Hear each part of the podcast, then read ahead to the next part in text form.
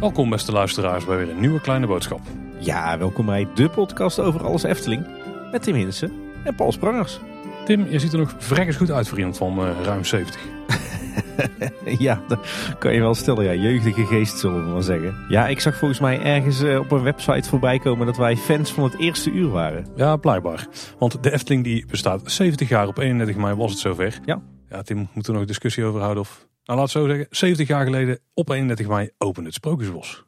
Inderdaad, ja. ja. Die discussie wanneer de Efteling nou opende, die is de afgelopen dagen in de media al uh, fors gevoerd door jou en, uh, en Wessel. Uh, zag ik voorbij komen, voorde ik voorbij komen. Dus dank daarvoor, heren.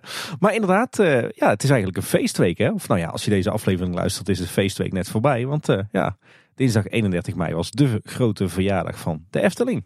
Nou, in een feestweek mag je het zeker wel noemen, want er was enorm veel te doen rondom de Efteling. Maar daar gaan we dadelijk uitgebreid doorheen lopen. Het voelt alsof het lang geleden dat we hier hebben gezeten, maar het was eigenlijk maar twee weken. Ja, we hebben wel weer een weekje het, het opnemen overgeslagen. Want jij was weer voor de zoveelste keer op vakantie. Ja, dat komt er helemaal vaart. Hè? Maar volgens mij kon jij er ook wel van. Ja, inderdaad. Wat, wat heb jij gedaan? Gewoon op een camping ergens gegeten met wel vrienden. Ja, en wij zijn nog een, een, een lang weekendje naar, naar Twente geweest, naar Oud-Marsum. Ook een lekkere tussendoor vakantie. Maar eigenlijk vooral heel veel in de Efteling gezeten de afgelopen twee weken. Nou, dat is mooi. Dan hebben we een hoop te bespreken vandaag. Zeker. Misschien nog even een goede reminder. Want we zitten ook nog maar een kleine maand van Kleine Boodschap in het Theater vandaan. Ja, onze, nou ja, het zou onze 250ste aflevering worden. Hè? Bijna gelukt. Net niet.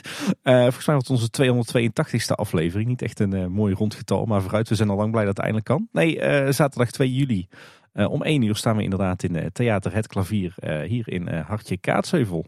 En iedereen die tickets heeft, die heeft daar een mail over gehad. Dus check even je mailbox. Check ook je spambox trouwens als je denkt een ticket te hebben. Want dan zou er dus informatie in moeten zitten. Heb je nou uh, geen ticket kunnen bemachtigen. Er zijn mensen die kunnen dus nu niet meer. Is ook niet zo vreemd natuurlijk omdat het een paar keer is verzet. En af en toe komen er daardoor nog tickets vrij. In principe is het uitverkocht. Maar als je heel af en toe die pagina in de gaten houdt. Dan kan het nog wel zijn dat een ticket tevoorschijn komt. Als er nou meer tickets tegelijk tevoorschijn komen. Dan uh, zetten we nog wel eens op social media. Dus hou ook die in de gaten.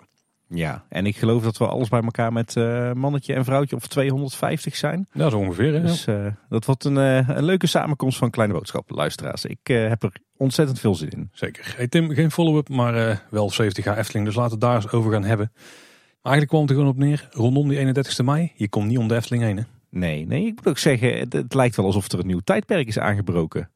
Die indruk heb ik op de een of andere manier de laatste dagen gekregen. Want we hebben natuurlijk ja, twee slechte jaren achter de rug. Hè, met corona en uh, uh, verliezen en een lastige financiële situatie. En ja, de opstart dit jaar. Niet iedereen was even enthousiast over uh, hè, het vier moment of Efteling Wonderland. Maar de afgelopen week was echt met recht een feestweek voor de Efteling leek het. De Efteling kwam overal aan bod.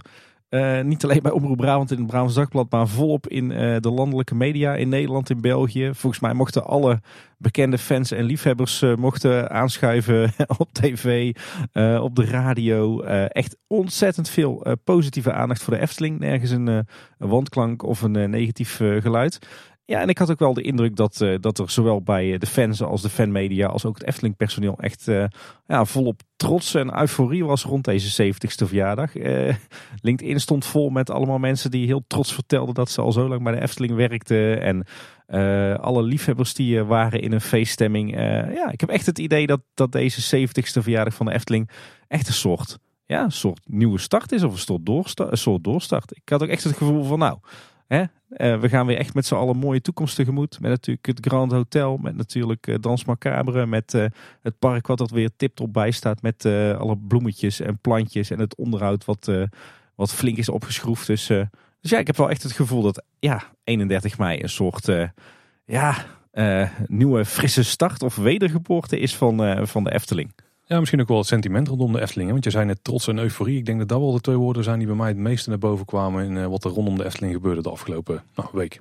Ja. ja, heel tof. Want we hebben natuurlijk lange tijd dat gezanik gehad over het spookslot gaat weg. En, uh, en, en corona en weet ik het allemaal. En, Boze buren uh, hebben we gehad natuurlijk. ja, inderdaad.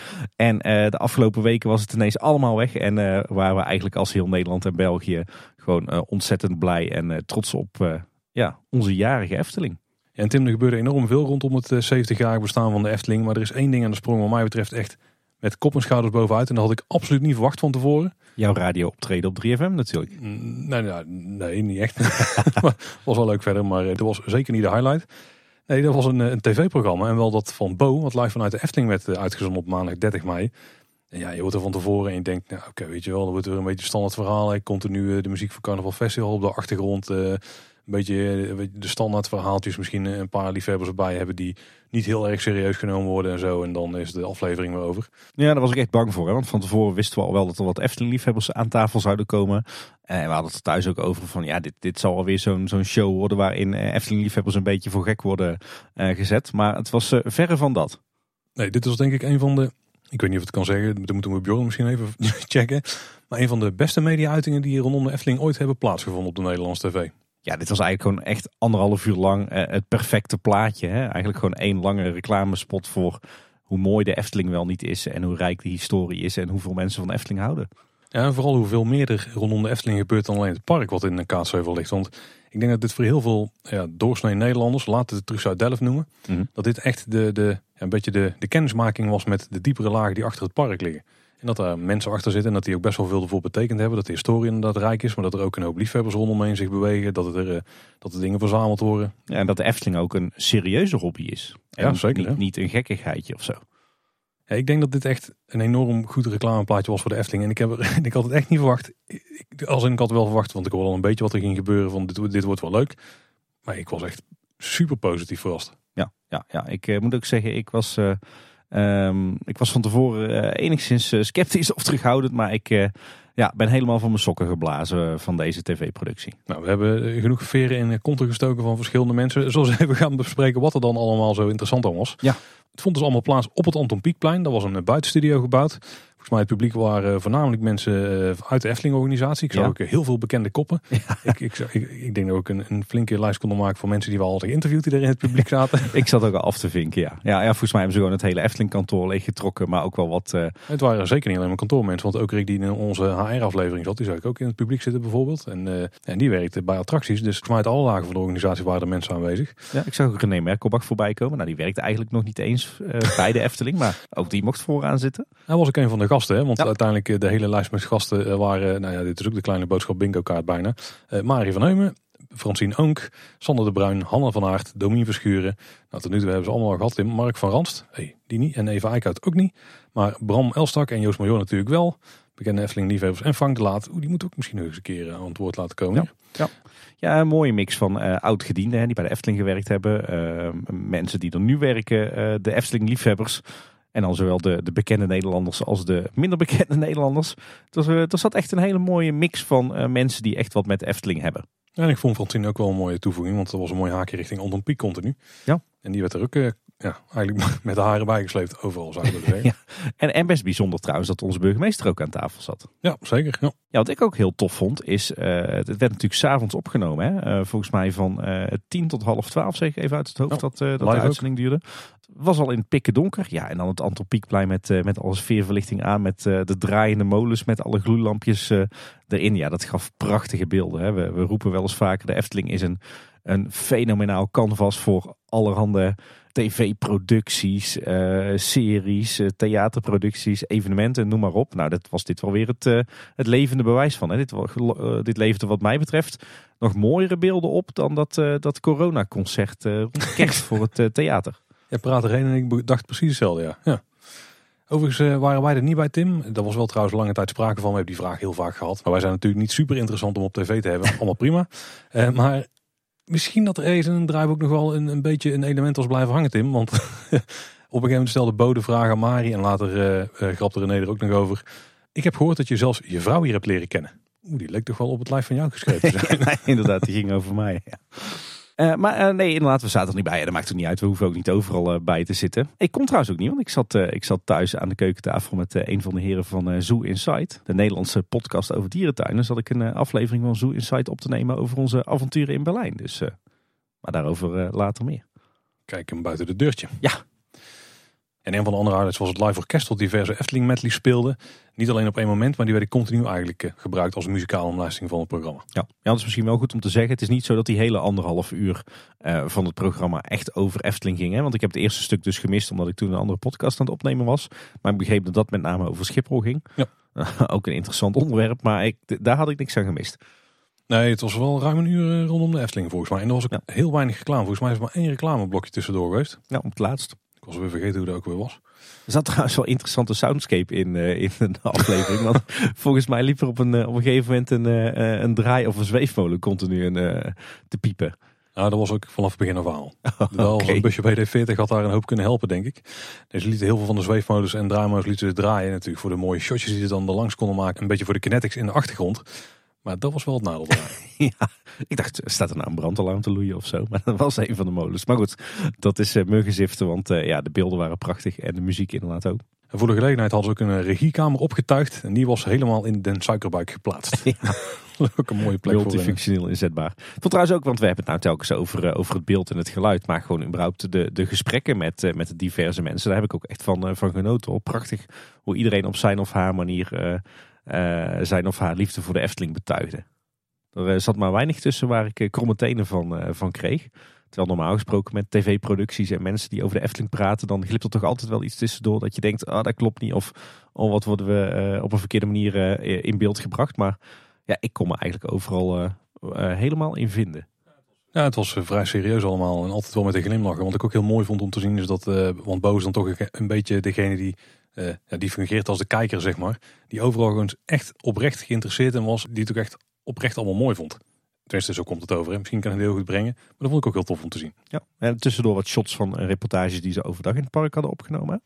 Ja, er waren er maar heel weinig inderdaad. Vooral Bodie in een achtbaan ging en daar hard zat te schreeuwen. nou, al met al, uh, ja, wij zijn er allebei zeer over te, over te spreken over, uh, over deze productie. Uh, ik denk de Efteling ook, want volgens mij was dit wel een hele succesvolle uitzending. Wij begrepen van onze media-expert Bjorn Bouwens dat Bo meestal rond de 600.000 kijkers heeft.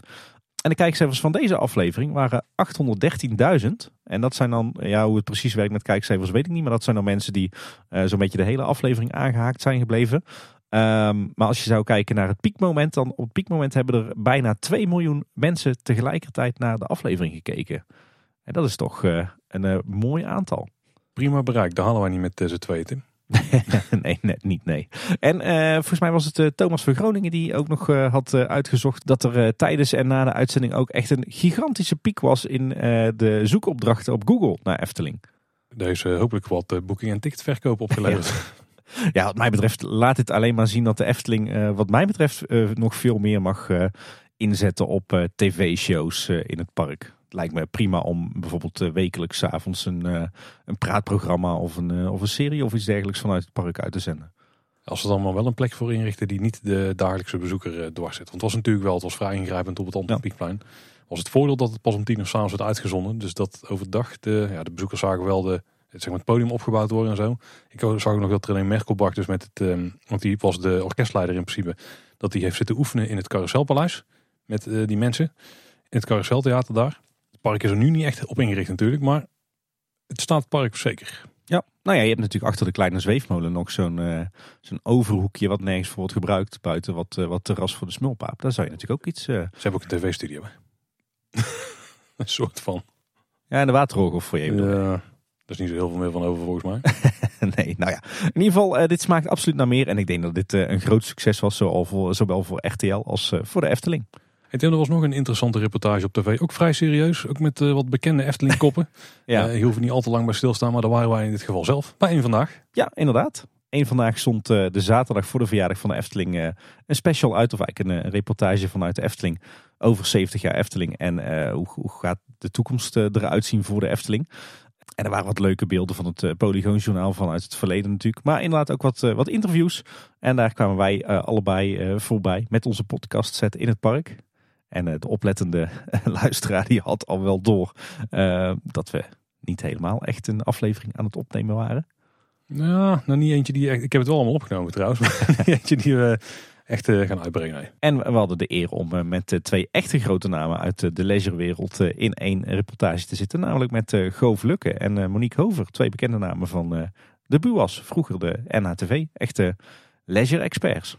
Ja, zeker. Wat mij betreft ook een heel geslaagde reportage. Ook mooi rondom die 70-jarige verjaardag van de Efteling natuurlijk. Ja, ik vond het wel enorm onwennig hoor. Om uh, zo uh, eh, eh, al eh, lopende en al podcast opnemende Efteling voor de camera te staan. Ja, en dan vooral dat je niet in de camera moet kijken. Dat is nog heel onwennig, ja. Ja, ik denk dat het goed is dat wij nog steeds gewoon een podcast maken en geen vlog of zo. Dat ligt ons beter. Ja. Ook nog een toffe podcast trouwens van Loopings. Die hebben negen Efteling fanmedia, dat is het eigenlijk meer, geïnterviewd. Ja. Mensen van negen Efteling fanmedia.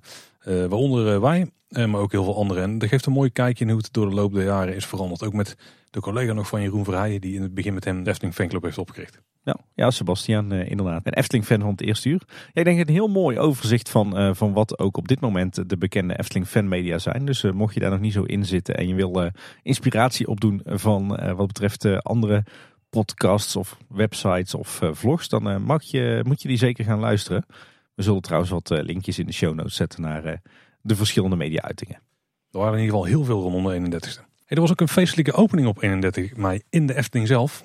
Er waren namelijk ballonnen en blauwe lopen bij de entree. Er was een ontvangst door Pardoes Roodkapje en de Sleuteliers. En dit was wel heel tof. De eerste 70 gezelschappen die ontvingen een verrassingspakket met onder andere wat uh, vouchers voor gebakjes en een VIP-ticket om de rij over te slaan.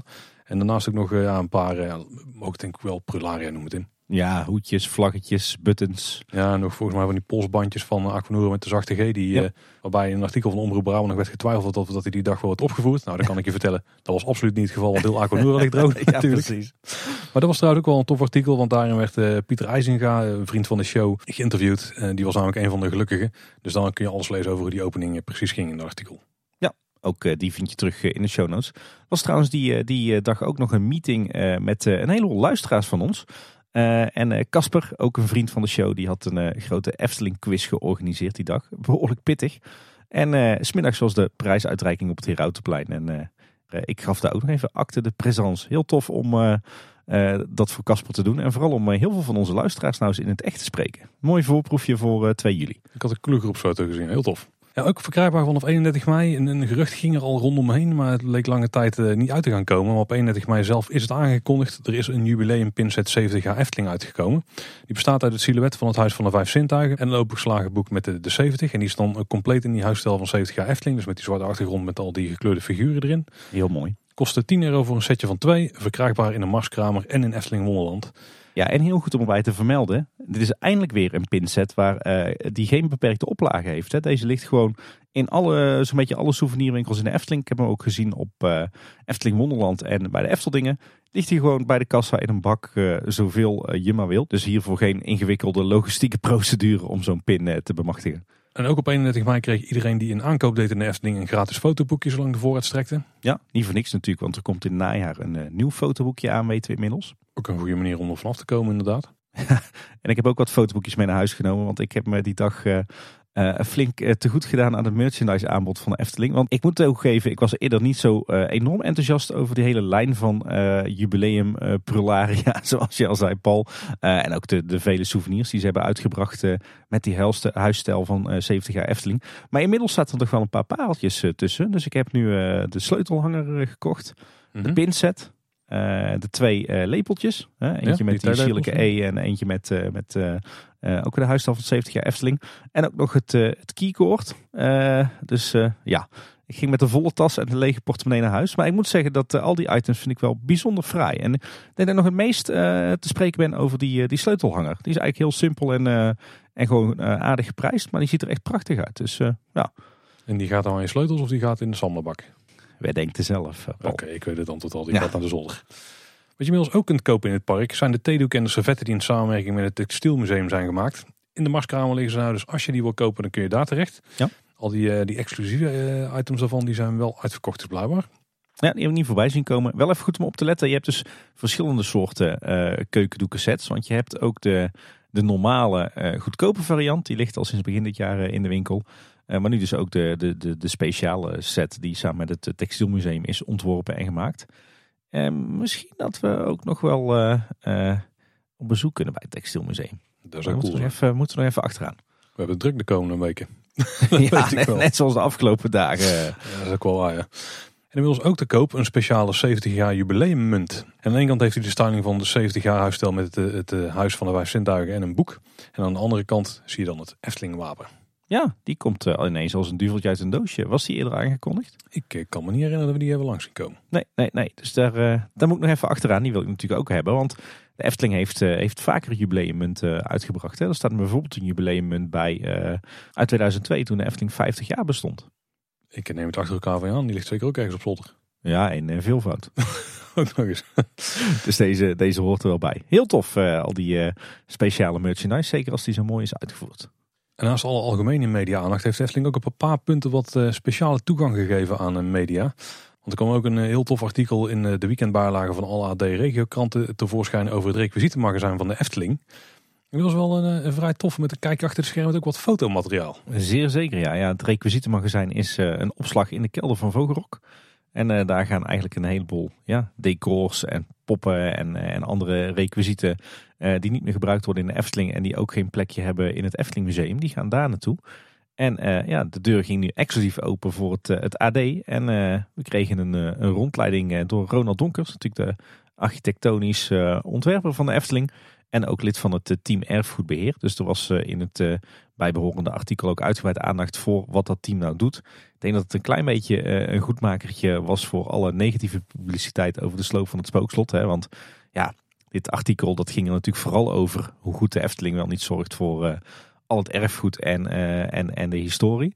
Maar een heel tof kijkje achter de schermen met prachtige foto's uh, met heel veel ja, reliquieën uit het verleden van de Efteling. Hè? Het was wel een sport onder Efteling-liefhebbers om alles wat er te zien was op die foto's te identificeren waar het in het verleden stond.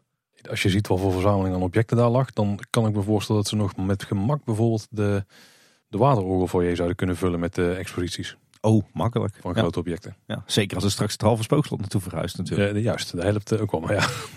En een ander tof inkijkje had trouwens ook te maken met het behoud van eh, materialen. Was een tof video-interview met Aart Waldman bij Omroep Brabant. Ja, en Aart is natuurlijk een oud-medewerker van uh, de afdeling decoratie vormgeving. En hij is de man die we dankbaar moeten zijn voor het, het bestaan van het requisietenmagazijn. En daarmee ook het, überhaupt het erfgoedbeheer binnen de Efteling. Want hij is al heel vroeg ervoor gaan strijden om zo min mogelijk weg te gooien. En al dat soort ja, mooie elementen uit de geschiedenis van de Efteling te behouden. Ja, dan kwam je favoriete element uit de Efteling nog langs, Tim. Baby Gijsje. Ja. In slechte staat. Ja, ja, ja, maar die vinden we natuurlijk in het, uh, in het Efteling Museum. Maar uh, ja, Aardwaldman, mooie vent. Ja, en nou we het toch over het Efteling Museum hebben. Daar zijn ook wat aanpassingen geweest. Hele kleine aanpassingen. De tijdlijn in het Wonderdepot is namelijk geactualiseerd. Er zit wel een heel klein foutje in. Ja, dit is een beetje een foutje voor het gemak, denk ik. Want de openingsdatum van de Wereld van Simbad die staat er op 2021, of het openingsjaar. Dat is natuurlijk 2022, want die is eh, op 2 januari geopend. Of iets in die geest in ieder geval. Nee, dat was de bedoeling. Maar toen was de Efteling nog helemaal niet open. Hè? De Efteling oh, ja. ging pas in, uh, wat was het, februari open van dit jaar?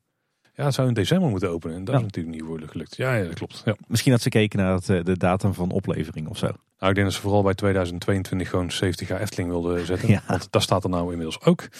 En er is een mini tentoonstelling over de viering van eerdere jubilea. Die kun je vinden in de etalage van het Efteling Museum aan de Dubbele Laan. Dan moet je dus uh, door de ramen kijken. Dan kun je ze daar zien. Ja, nou ja, hij zegt mini tentoonstelling, maar het, uh, het waren eigenlijk wat geplastificeerde A4'tjes met uh, de jubileum logo's erop. Ja, dus toch zo'n soort van tentoonstelling. Ja, beter dan niks in ieder geval. Maar ik kan niet wachten tot, uh, tot we weer een nieuwe tijdelijke tentoonstelling krijgen in de ruimte waar nu nog de sprookjesquiz zich bevindt. Zou ook heel tof zijn als we daar volgend jaar een, een tentoonstelling rond het spookslot zouden krijgen. Ik kan me toch niet voorstellen dat er zoiets niet komt. Nou, nogmaals, ik vind het daar best een prima idee toen ik net opperde. Maar laai de waterorgel voor je een keer leeg. Maak daar een expositie met grote objecten. En een paar eh, kleinere vitrines met interessante dingen. Dat kan prima rondom de spookslot. Zet die poppen er maar eens neer dat we er eens gewoon dichtbij kunnen kijken. Vanaf een meter afstand. Lijkt me heel tof. Je loopt over van uh, goede ideeën, Paul. Ik weet niet welke ideeën er allemaal zijn geweest en er nog meer komen. Maar dit is de enige die ik wel werkelijkheid wil zien. ik, uh, ik ga met je mee. Hey, en tot slot nog iets uh, tofs. Uh, luisteraars van Kleine Boodschap kennen denk ik wel Operateur. Uh, een Efteling liefhebber die heel bedreven is met Lego en af en toe hele toffe modelletjes maakt. Laatst bijvoorbeeld eentje van het, de rode schoentjes. Maar speciaal voor de 70, 70ste verjaardag van de Efteling heeft hij een modelletje gemaakt van de entree Parklaan. De allereerste entree van de Efteling uit 1949. En die kan je nu bekijken op internet. Daar kun je de, handleiding downloaden en dan kan je hem ook in elkaar zetten. En het leuke is dat wij ook met de operateur mee mochten denken over hoe komt het er dan uit te zien en welke kleur moeten de steentjes dan hebben. Dus een mooie samenwerking. Nou, jij, je zegt we, maar het was jij vooral om het zo historisch accuraat mogelijk te maken. Had er ook mee te maken dat we toen ook net een aflevering op band hadden staan die hier wel heel erg veel mee te maken had. Maar dat, uh, die komt later. Die aflevering die komt, uh, ja, wat zal zijn, richting het najaar passen. ik heb geen idee. Ik kan allemaal nog uh, wijzigen bij ons. Hè? ja, we hebben een aardige, een aardige collectie afleveringen al op de plank liggen. Tim, er is een enorm project bezig op dit moment in het park. Echt waar? Maar daar hoor je eigenlijk maar heel weinig van in al die 70 jaar Efteling uitingen. Het gaat bijna altijd over het spookslot. Maar daar zien we nog helemaal niks van. Maar dit is hetgene wat nu echt wordt gebouwd, het Efteling Grand Hotel. Zeker, zeker. En er zijn wat werkzaamheden daar rondomheen. En ook rondom uh, het parkeerterrein, natuurlijk het entreegebied wat er naartoe leidt. Dat heeft allemaal een beetje met elkaar te maken tegenwoordig natuurlijk. Zullen we eens gaan kijken wat daar allemaal is gebeurd? Graag, want uh, daar leven wij voor, toch? Zeker, want op maandag 30 mei toen uh, is er een belangrijke mijlpaal bereikt. De Vrolijke Noot, die is gesloten. Ja. De kluis die is afgezet. En het facilitair gebouw en het kennel is ook dicht. Wordt nog weinig ontmanteld, van wat ik kan zien. Nou, de vrolijke noot is wel helemaal leeggelaaien en alle nooduitgangbordjes en zo die zijn er weggehaald. Dus die lijkt klaar om plat gegooid te worden. Maar ik dacht eigenlijk van Efteling kennende, het gaat dicht. En echt een dag later dan ligt het bijna al plat. Ja, nee, ze hebben inderdaad uh, vooral de afgelopen dagen wat, uh, wat, wat, kleine items weggehaald. Ze hebben natuurlijk wel de vrolijke noot uitgehuisd en heel veel spul uh, richting Panorama verplaatst. Daarover later meer.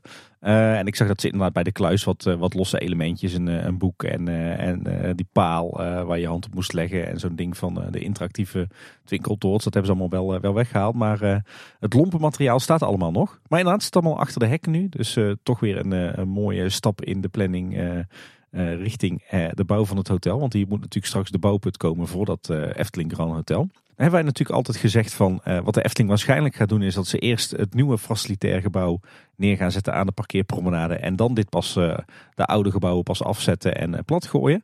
Dat blijkt niet het geval te zijn, bijzonder genoeg. Uh, want uh, sinds de afgelopen week is er een uh, tijdelijke voorziening te vinden voor al die functies onder de kap van het Huis van de Vijf Zintuigen. Beetje aan de rechterkant, zeg maar achter de toiletgroep. En daar zit nu tijdelijk achter schotten onder meer de garderobe. maar ook de verhuur van wandelwagens, rolstoelen en scootmobielen. En natuurlijk ook het ophaalpunt van de Souvenir Express. ze zetten ook de, de voormalige groepskassa in als, als uitleenpunt, zeg maar. En eigenlijk is er gewoon een heel deel van het, eh, het Huis van de Vijf Zintuigen afgezet waar ze al die materialen tijdelijk stallen. Op zich best wel netjes gedaan. Uh, zo hebben ze aan de voorzijde van het Huis van de Vijf Zintuigen het bord dat daar voorheen en wat de groepskassa aanduiden. Hebben ze nu een ander bord neergehangen. Ook helemaal mooi in stijl met het juiste lettertype uh, garderobe en service. En ook met icoontjes aangegeven wat je daar, uh, daar kunt halen. En ook op uh, de verschillende schermen in het Huis van de Vijf Zintuigen zelf. die tv-schermen, daar verwijzen ze naar die, die tijdelijke garderobe en die tijdelijke uitleen. dus ja, dat hebben ze op zich allemaal goed voorzien, denk ik, voor zo'n tijdelijke situatie. Alleen ja, dus heel gek dat uh, het nieuwe gebouwtje nog niet klaar uh, was voordat ze de oude gebouwtjes sloten. Alhoewel, uh, er gloort licht aan de horizon. Want vandaag op het moment van opname zijn ze begonnen met de bouw van dat nieuwe facilitaire gebouw aan de parkeerpromenade. Ja, en de constructie daarvan is voorlopig nog alleen maar een stalen frame.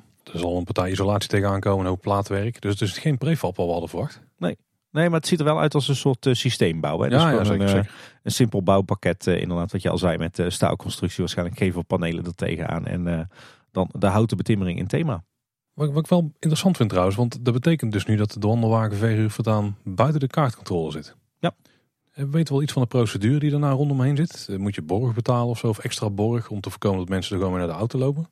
Want in principe kun je er nu mee gewoon door de in- en uitgang lopen. Of zou je het net voor de ingang moeten achterlaten? Nee, dat is vreemd, want dan krijg je nee. wel een stapel van die voertuigen. Nou, misschien dat er toch iemand uh, s'avonds op de parkeerpromenade staat om in de gaten te houden of iedereen uh, zijn wandelwagentje en zijn scootmobiel wat terugbrengt. Ja, dat is nu nog net iets makkelijker, omdat iedereen door de poort heen moet bij het Huis van de Vijf Zintuigen. Maar als straks uh, daar buiten nog zit, dan wordt het steeds moeilijker. Ja. Ja, een goeie. Interessante kwestie inderdaad. Ik, ik, hoop in ieder geval dat het, het nieuwe gebouw aan de parkeerpromenade snel klaar is. Dat we ook afscheid kunnen nemen van die, die tijdelijke situatie onder de kap van het Huis van de Vijf Zintuigen. Alhoewel, ruimte zat daar eigenlijk. Hè? Ja, daar moeten ze nog wel een keer iets anders mee doen, denk ik. Er gebeuren nog andere dingen, zoals op het parkeerterrein. De sprinklerkelder hebben we al regelmatig aangehaald, maar dat lijkt nou een bijna afgerond project te zijn. Ja. Hij is nu helemaal bedekt onder het zand, tenminste de hoofdkelder zelf. Je hebt ook nog de technische ruimte die ernaast ligt, die lijkt nog een deels bloot te liggen. Ze zijn er ook overheen aan de straten, dus je ziet straks helemaal niks meer van die kelder. En er zullen wel wat toegangsluiken komen trouwens, ook in die hoofdkelder. Ja, ja, ja, inderdaad. En waarschijnlijk wat, wat pijpjes voor de beluchting en zo. Maar uh, ik heb vandaag staan kijken. Het straatwerk is bijna klaar. En uh, ze straten eigenlijk gewoon terug wat er altijd al, uh, al was. Hè. Dus gewoon de parkeervakken met de rijbaan ondertussen. En ja, dan is het straks mooi verstopt onder de grond. Goede plek voor zo'n kelder. Ja, en we hebben het al gehad over het nieuwe facilitair gebouw en over de sprinklerkelder. Maar we hebben natuurlijk ook nog de nieuwe tijdelijke toiletgroep, waar ik de hergebruikte toiletgroep hè, aan de parkeerpromenade. En die toiletgroep is natuurlijk zo'n zo'n semi-permanent gebouwtje. Dat ziet er natuurlijk niet uit. Maar daar hebben ze inmiddels aan de buitenzijde helemaal een soort houten raamwerk op aangebracht. we hebben geen tekeningen gezien van hoe die toiletgroep eruit moet gaan zien. Maar ik vermoed dat die een beetje dezelfde uitstraling gaat krijgen als dat facilitair gebouw. Dus waarschijnlijk gewoon van die verticale houten planken die mooi groen geschilderd worden. Uh, dat houdt nog worden aangebracht. de, de dakrand, de boeiboord, die zit er al wel op. En, en die is al heel netjes sierlijk afgewerkt. Dus dat biedt hoop. Je dan allemaal wel aan het Dwarrelplein? Absoluut, ja. Heeft deze toiletgroep al een naam? Zo nee, dan opteer ik voor de verlegde toiletgroep. ja, naast de verlegde promenade, de verlegde toiletgroep, ja. En de verlegde hoofd natuurlijk. Ik dacht aan uh, parkeerplassen. Parkeerplasser? Wacht, dat klinkt dan weer dubieus. klinkt strafbaar. Ja, het gebied tussen het Huis van de Vijf Sintuigen en Aquanura ligt ook volledig op zijn kop. Daar zijn ze volle bak aan het graven. Maar dat is ook een heel groot deel verder afgezet met bouwhekken. Zoals het, uh, het gebiedje bij de oliebollenkraam. Bij de tekening die we bij Looping zagen, daar zagen we ook dat de oliebollenkraam een andere plek had gekregen. Dus ik verwacht dat we die op een ander punt op het dwarrelplein gaan terugzien hetzelfde geldt eigenlijk voor de kiosk. Die is al op dit moment verplaatst. Die vind je nu namelijk aan het Theaterplein. En dan aan de kant van het plein waar ook het restaurant zit. Maar die zal straks waarschijnlijk weer op een andere plek tevoorschijn gaan komen. Als we de tekening moeten geloven. Een beetje, een beetje links voor het hotel richting uh, ja, eigenlijk de entree van de lobby. Ja, en uh, daar krijgt hij een hele mooie plek. Hebben we gezien op uh, de impressie van Sander. Maar ik moet zeggen waar hij nu staat, staat hij ook wel heel fraai hoor. Dat is bij het theater. Ja, jij zei het al Paul, er wordt volop gegraven. En je zou eigenlijk kunnen zeggen dat ze... Je zou kunnen zeggen dat ze zo'n beetje het, hele gebied tussen de Efteldingen en de spoorwegovergang aan de kant van Aquanura helemaal op dichtgezet met, met bouwhekken. Want ja, ze zijn ook daar weer volop aan het graven. Ze zijn sowieso nog bezig met, aan de riolering. Zo hebben ze een hele grote sleuf getrokken tussen de spoorlijn en Aquanura bij de Steenbokvlonder. maar dat, dat hele traject gaat ook door op het Warrelplein richting het theater. Daar zijn ze flinke gaten en sleuven aan het graven voor rioolbuizen. Dus het lijkt erop dat ze ja, zo'n beetje alle infrastructuur die nu nog op plekken ligt waar straks het hotel gaat komen, dat, uh, dat ze die straks gaan verwijderen. En dat ze in plaats daarvan nu een nieuw tracé aanleggen voor al die kabels en leidingen en riolering. Uh, op de plek waar straks ook uh, daadwerkelijk paden gaan lopen. Dus daar zijn ze nu volop mee bezig. Het hele dwarrelplein ligt zo'n beetje open. Je hebt eigenlijk alleen nog maar een, een kleine trechter vanuit het Huis van de Vijf Zintuigen richting de spoorwegovergang. Want ja, aan je rechterzijde wordt dus volop gegraven. En aan de linkerzijde uh, staan de Vrolijke Noot en de Kluis en het facilitair gebouw in de hekken. Dus ziet er een beetje vreemd uit als je door de kaartcontrole bent. Ik moet zeggen, dit is toch echt de plek waar je op dit moment een bouwbord wilt hebben staan. Of in ieder geval een paar banners op de, de bouwhekken van joh, we bouwen hier aan uh, Grand Hotel uh, open in 2024 en excuses voor het ongemak. Dat mis je hier echt, want als je ja, als nieuwe bezoeker de Efteling nu betreedt of als, als daggast, dan denk je echt wat is hier aan de hand. Maar goed, maar ze lijken dus echt ja, volop bezig te zijn om uh, die, uh, die tijdelijke wandelroute rond de bouwplaats van het hotel klaar te krijgen. Zo viel me ook op dat ze die, die, die nieuwe rij keerwanden ze hebben geplaatst tussen het Dwarrelplein en de Aquanura vijver die wat, wat hoger liggen. Zodat je daar een, ja, een beetje getrapte tribune krijgt. dat ze daar ook nu allemaal palen tegenaan aan het schroeven zijn. Ik vraag me even af of dat voor de, de balustrade is die daar gaat komen. Maar het doet er bijna aan denken dat daar de bouwschutting komt te staan. Ja, die palen die deden me direct denken aan uh, de palen die ook zijn verschenen langs de parkeerpromenade. Ja. Ik vermoed dat het ook een bouwschutting wordt ja, die uh, de lange tijd blijft staan. Kortom, het Dwarrelplein en uh, Aquanura, die hoek daar, dat is nog één grote bouwplaats. Maar wat er wel blijkt is dat dit een van de eerste delen is die wordt opgeleverd van het hele hotelproject. Want we gaan een stuk Dwarrelplein waar we nu nog wel overheen kunnen lopen straks ook afgesloten zien worden. En dan moeten we over de nieuwe route gaan lopen. En ik kan me toch niet voorstellen dat ze niet tijdelijk gaan inkleden om die dan over twee jaar weer overhoop te halen en dan definitief in te kleden zal voor delen misschien wel gaan gebeuren. Maar ik denk dat we heel veel van de, eh, de groenvakken en de verharding, dat we die gewoon al gaan zien. De vorm zoals we die ja, straks ook rondom het hele hotel gaan zien. En dat zou zomaar kunnen, ja. Dus moeten we goed opletten straks als we daar mogen lopen. Hoe het uh, er allemaal uitziet. Want dat is een kleine voorbode van hoe het, uh, het nieuwe dwarrelplein er straks uit komt te zien. Ja. Nou, wat natuurlijk aansluit op de hele infrastructuur die ze rondom Aquanura aan het aanleggen zijn, is een nieuwe tijdelijke spoorwegovergang. Tenminste, ik denk dat die tijdelijk is. Die lijkt gereed te zijn voor gebruik. Hè. Die is helemaal uh, betegeld. Deze is ook echt betegeld trouwens. Liggen niet van die tijdelijke betonplaten in. Dus het lijkt voor een langere tijd te zijn. Die komt eigenlijk uit op het plein wat nu is ontstaan. Ja, waar, die hele enorme verbreding zit hè, van uh, het pad daar. Waar dus ook die uh, ook plattegrondbord van het Dwarrelplein staat. Die is trouwens ook geschilderd. Maar een soort van overschilderd. ja, inderdaad. Ze hebben de, de bladders van de oude verf niet weggehaald. Ze hebben er gewoon even snel overheen gekwast. Het ziet er al een stuk beter uit dan voorheen. Maar geen definitieve oplossing. En ik zag ook wel dat ze aan de achterkant helemaal niks hebben gedaan. Dus het, is, het is allemaal maar tijdelijk. overigens, die, die, die spoorwegovergang waar je het net over had, die nieuwe spoorwegovergang, is nog niet echt in gebruik. Die is nog helemaal afgehekt. Want je loopt nu, nu nog steeds over ja, een, een, een tijdelijke spoorwegovergang tegen de vrolijke nood aan. Maar goed, de verwachting is inderdaad dat die over een tijdje wordt verhuisd. Ik denk dus zodra die uh, uiteindelijke situatie klaar is uh, van dat stuk van het Dwarrelplein en het pad langs Aquanura wat we nu nieuw krijgen. Ja, volgt u het nog luisteraars? het, is lastig. Maar, er een kaartje bij hebben.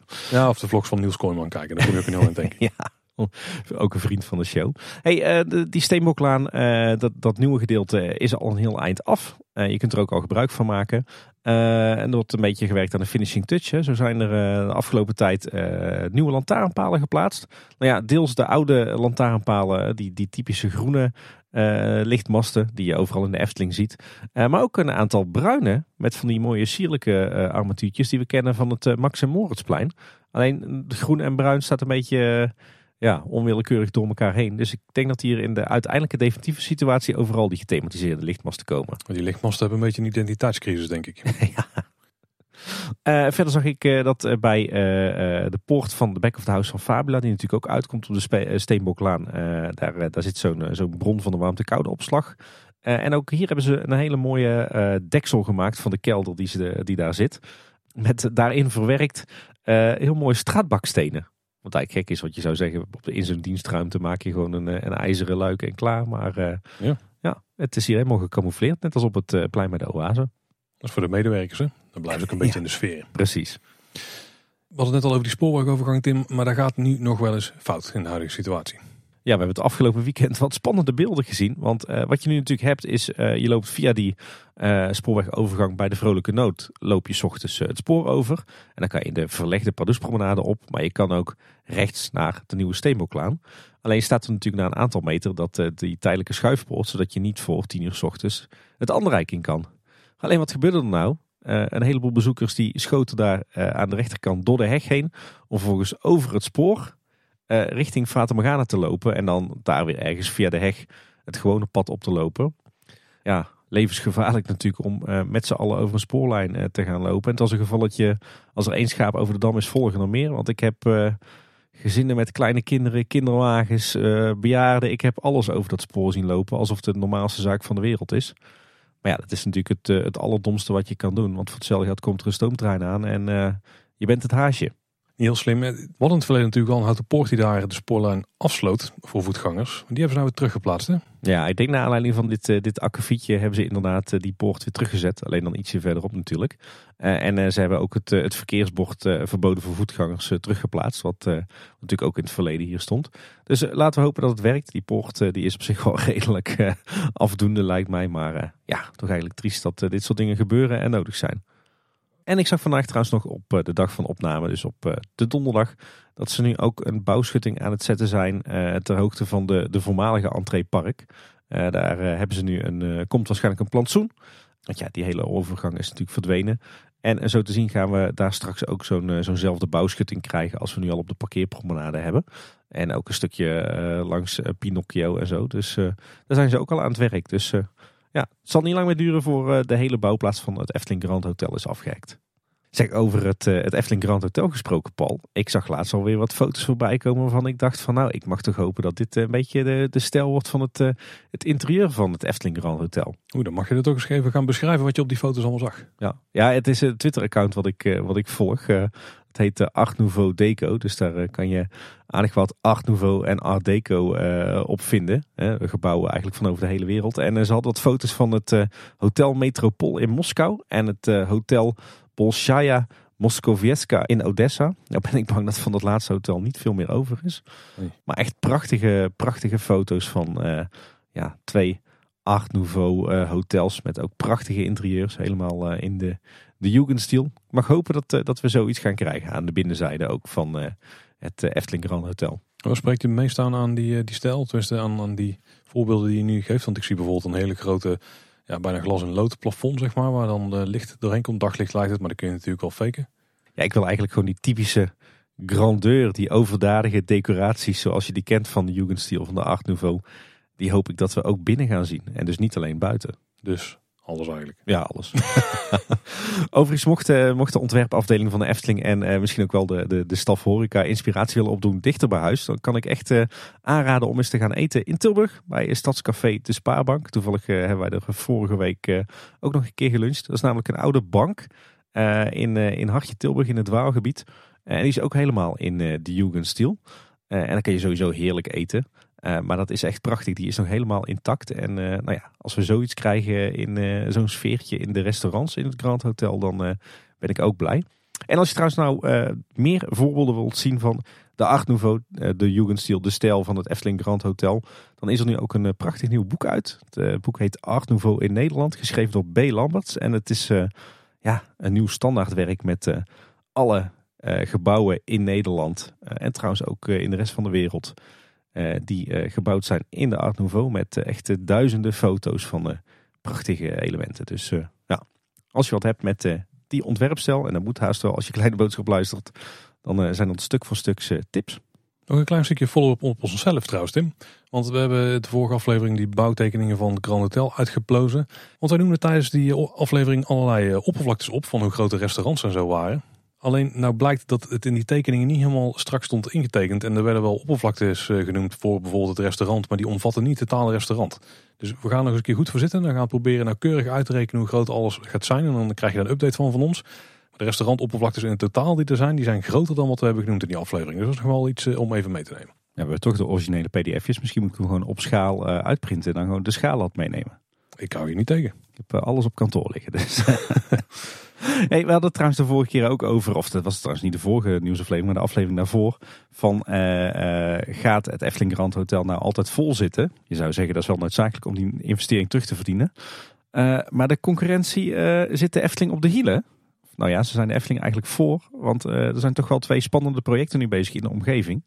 Zo is Libema bij de Beekse Bergen begonnen met de bouw van in totaal 112 hotelkamers en suites. Het zijn eigenlijk een aantal uh, ja, losse gebouwen met daarin een soort mini-hotels. En een nieuw centrumgebouw met onder meer een à la carte restaurant en een buffetrestaurant. Uh, en dat bouwen ze op het Safari Resort. Wat natuurlijk een, een prachtig vakantiepark al is. maar er komen nu dus allerlei ja, mini-hotels bij eigenlijk. met ieder ook een eigen savanne. dus dan heb je gewoon bij je hotel heb je gewoon wilde dieren lopen. En dat gaat al open in het voorjaar van 2023. Zo, die zijn er snel bij. Ja, ja, ja. Klinkt, en, uh, oh, klinkt ambitieus. Ja, ze zijn daar sowieso al flink aan de weg aan het timmeren. Want uh, het, uh, het bestaande vakantiepark, wat natuurlijk al decennia lang bij de Beekse Bergen ligt. dat is inmiddels ook helemaal vernieuwd. Hè. Naar aanleiding van die, die brand vorig jaar is er nu een nieuw centrumgebouw gebouwd. En ook de, alle huisjes zijn opgeknapt. En dat is nu het Lake Resort van de Beekse Bergen. Dus ze bouwen daar echt flink door aan hun, ja, hun resort. Dus wordt best spannend. maar er gebeurt meer in de omgeving hè? Ja, want het Hotel Waalwijk, daar gaat namelijk weer een eh, Van de Valk worden. En dat was het al ooit, hè, toen het nog het, het Queens Hotel was. Het wordt grondig verbouwd en gerenoveerd. En het gaat waarschijnlijk in april 2023 heropenen als een Van de Valk dus. En daarmee ook een hotel van enige statuur in de buurt van de Efteling. Ja, dat is wel leuk trouwens, hè, want Van der Valk speelt ook een hele belangrijke rol in uh, het ontstaan van de wereld van de Efteling. Want het waren de berichten die de Efteling van de gemeente kreeg eind jaren 80 dat Van der Valk van plan was om een hotel te bouwen vlak bij de Efteling die ervoor zorgde dat uh, Paul Beck zei, nou gaan we gas geven, nou gaan we het Efteling Hotel bouwen.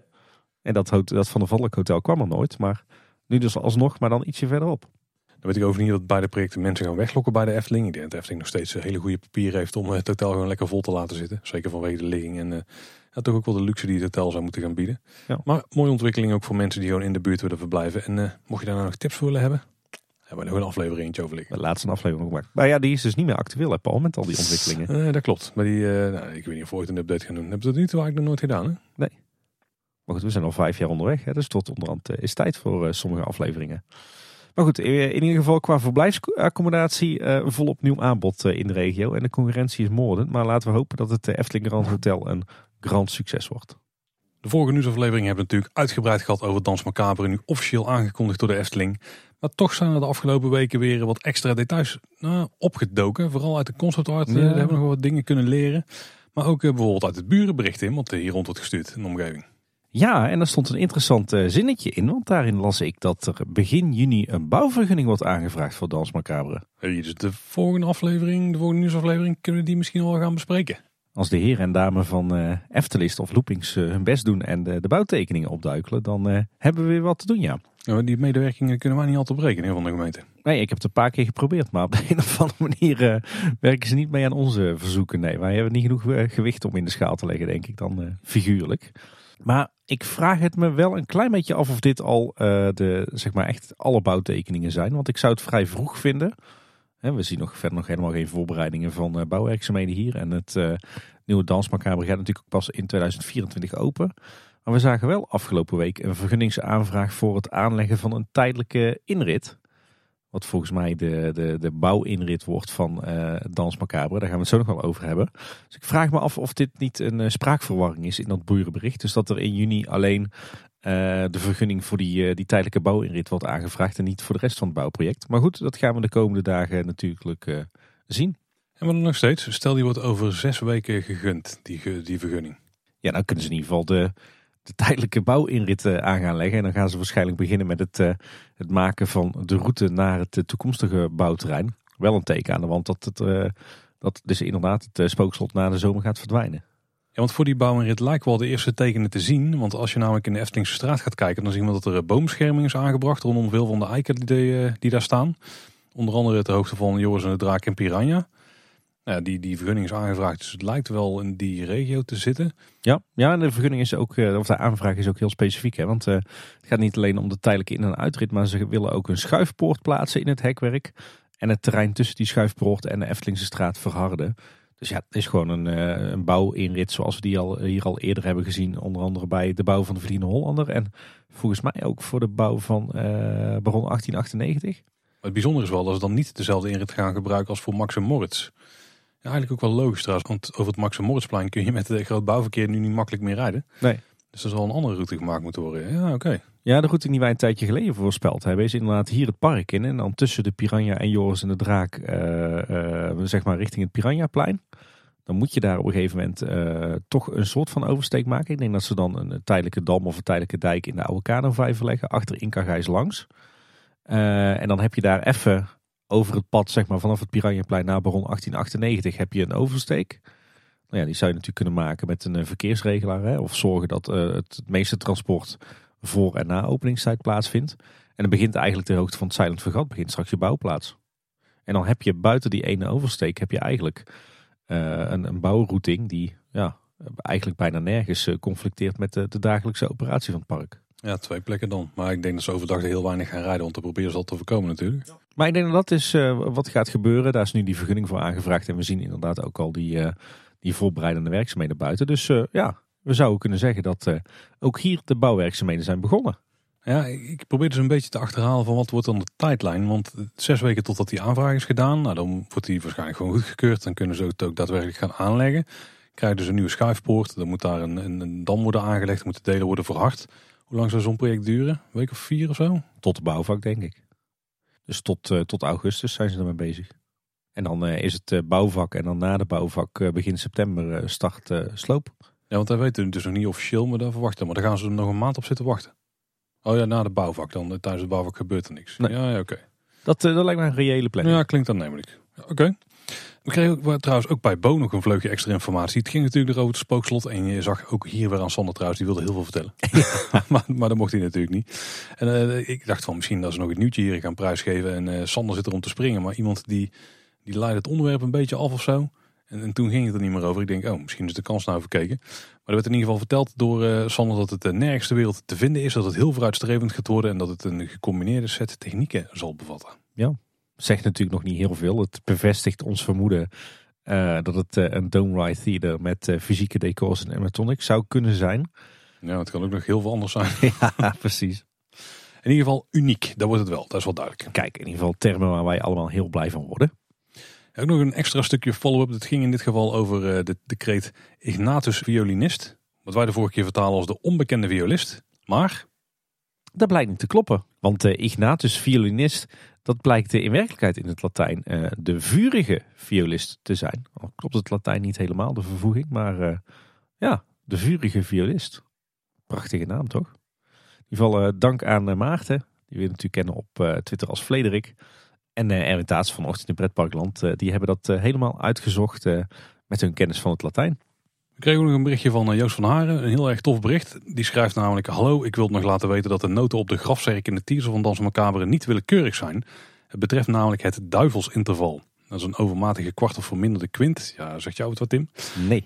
Ook wel de tritonus genoemd. Een dissonante klank die in de middeleeuwen verboden was, maar juist in bijvoorbeeld metal, dus eh, denk aan Black Sabbath of Slayer, veelvuldig gebruikt werd. Een hele toffe en zorgvuldige toepassing vind ik. En dan heb ik ook nog een linkje gekregen met wat meer informatie over de tritonus. Die zullen we ook linken in de show notes. En hij sluit af met de groetjes en ga zo door, Joost voordeel van zo'n grote schare luisteraars is natuurlijk dat het maakt niet uit wat het onderwerp is. Er is altijd wel een luisteraar die ergens ontzettend veel verstand van heeft. En uh, daar maken we graag en gretig gebruik van. En de decorstukken die in de teaservideo werden gebruikt, die eh, kwamen nog voorbij op de speelweide. Ja, er waren een aantal medewerkers aan het, uh, aan het sjouwen met, met wat van die, ja, van die grafzerken hè, die we al voorbij zijn gekomen in die teaservideo. Natuurlijk meteen een kleine storm in de fancommunity van wat gaat hier gebeuren. Maar een woordvoerder van de Efteling die liet aan onze vrienden van Loopings weten dat de decorstukken gebruikt werden voor een bescheiden interne aangelegenheid. Klinkt als een, uh, een afscheidsborrel of zo, of uh, een klein feestje. Oeh, afscheidsborrel. Toch van iemand die vertrekt bij de Efteling en niet om andere redenen dat er afscheid van genomen moet worden. Grafzerken. Oké.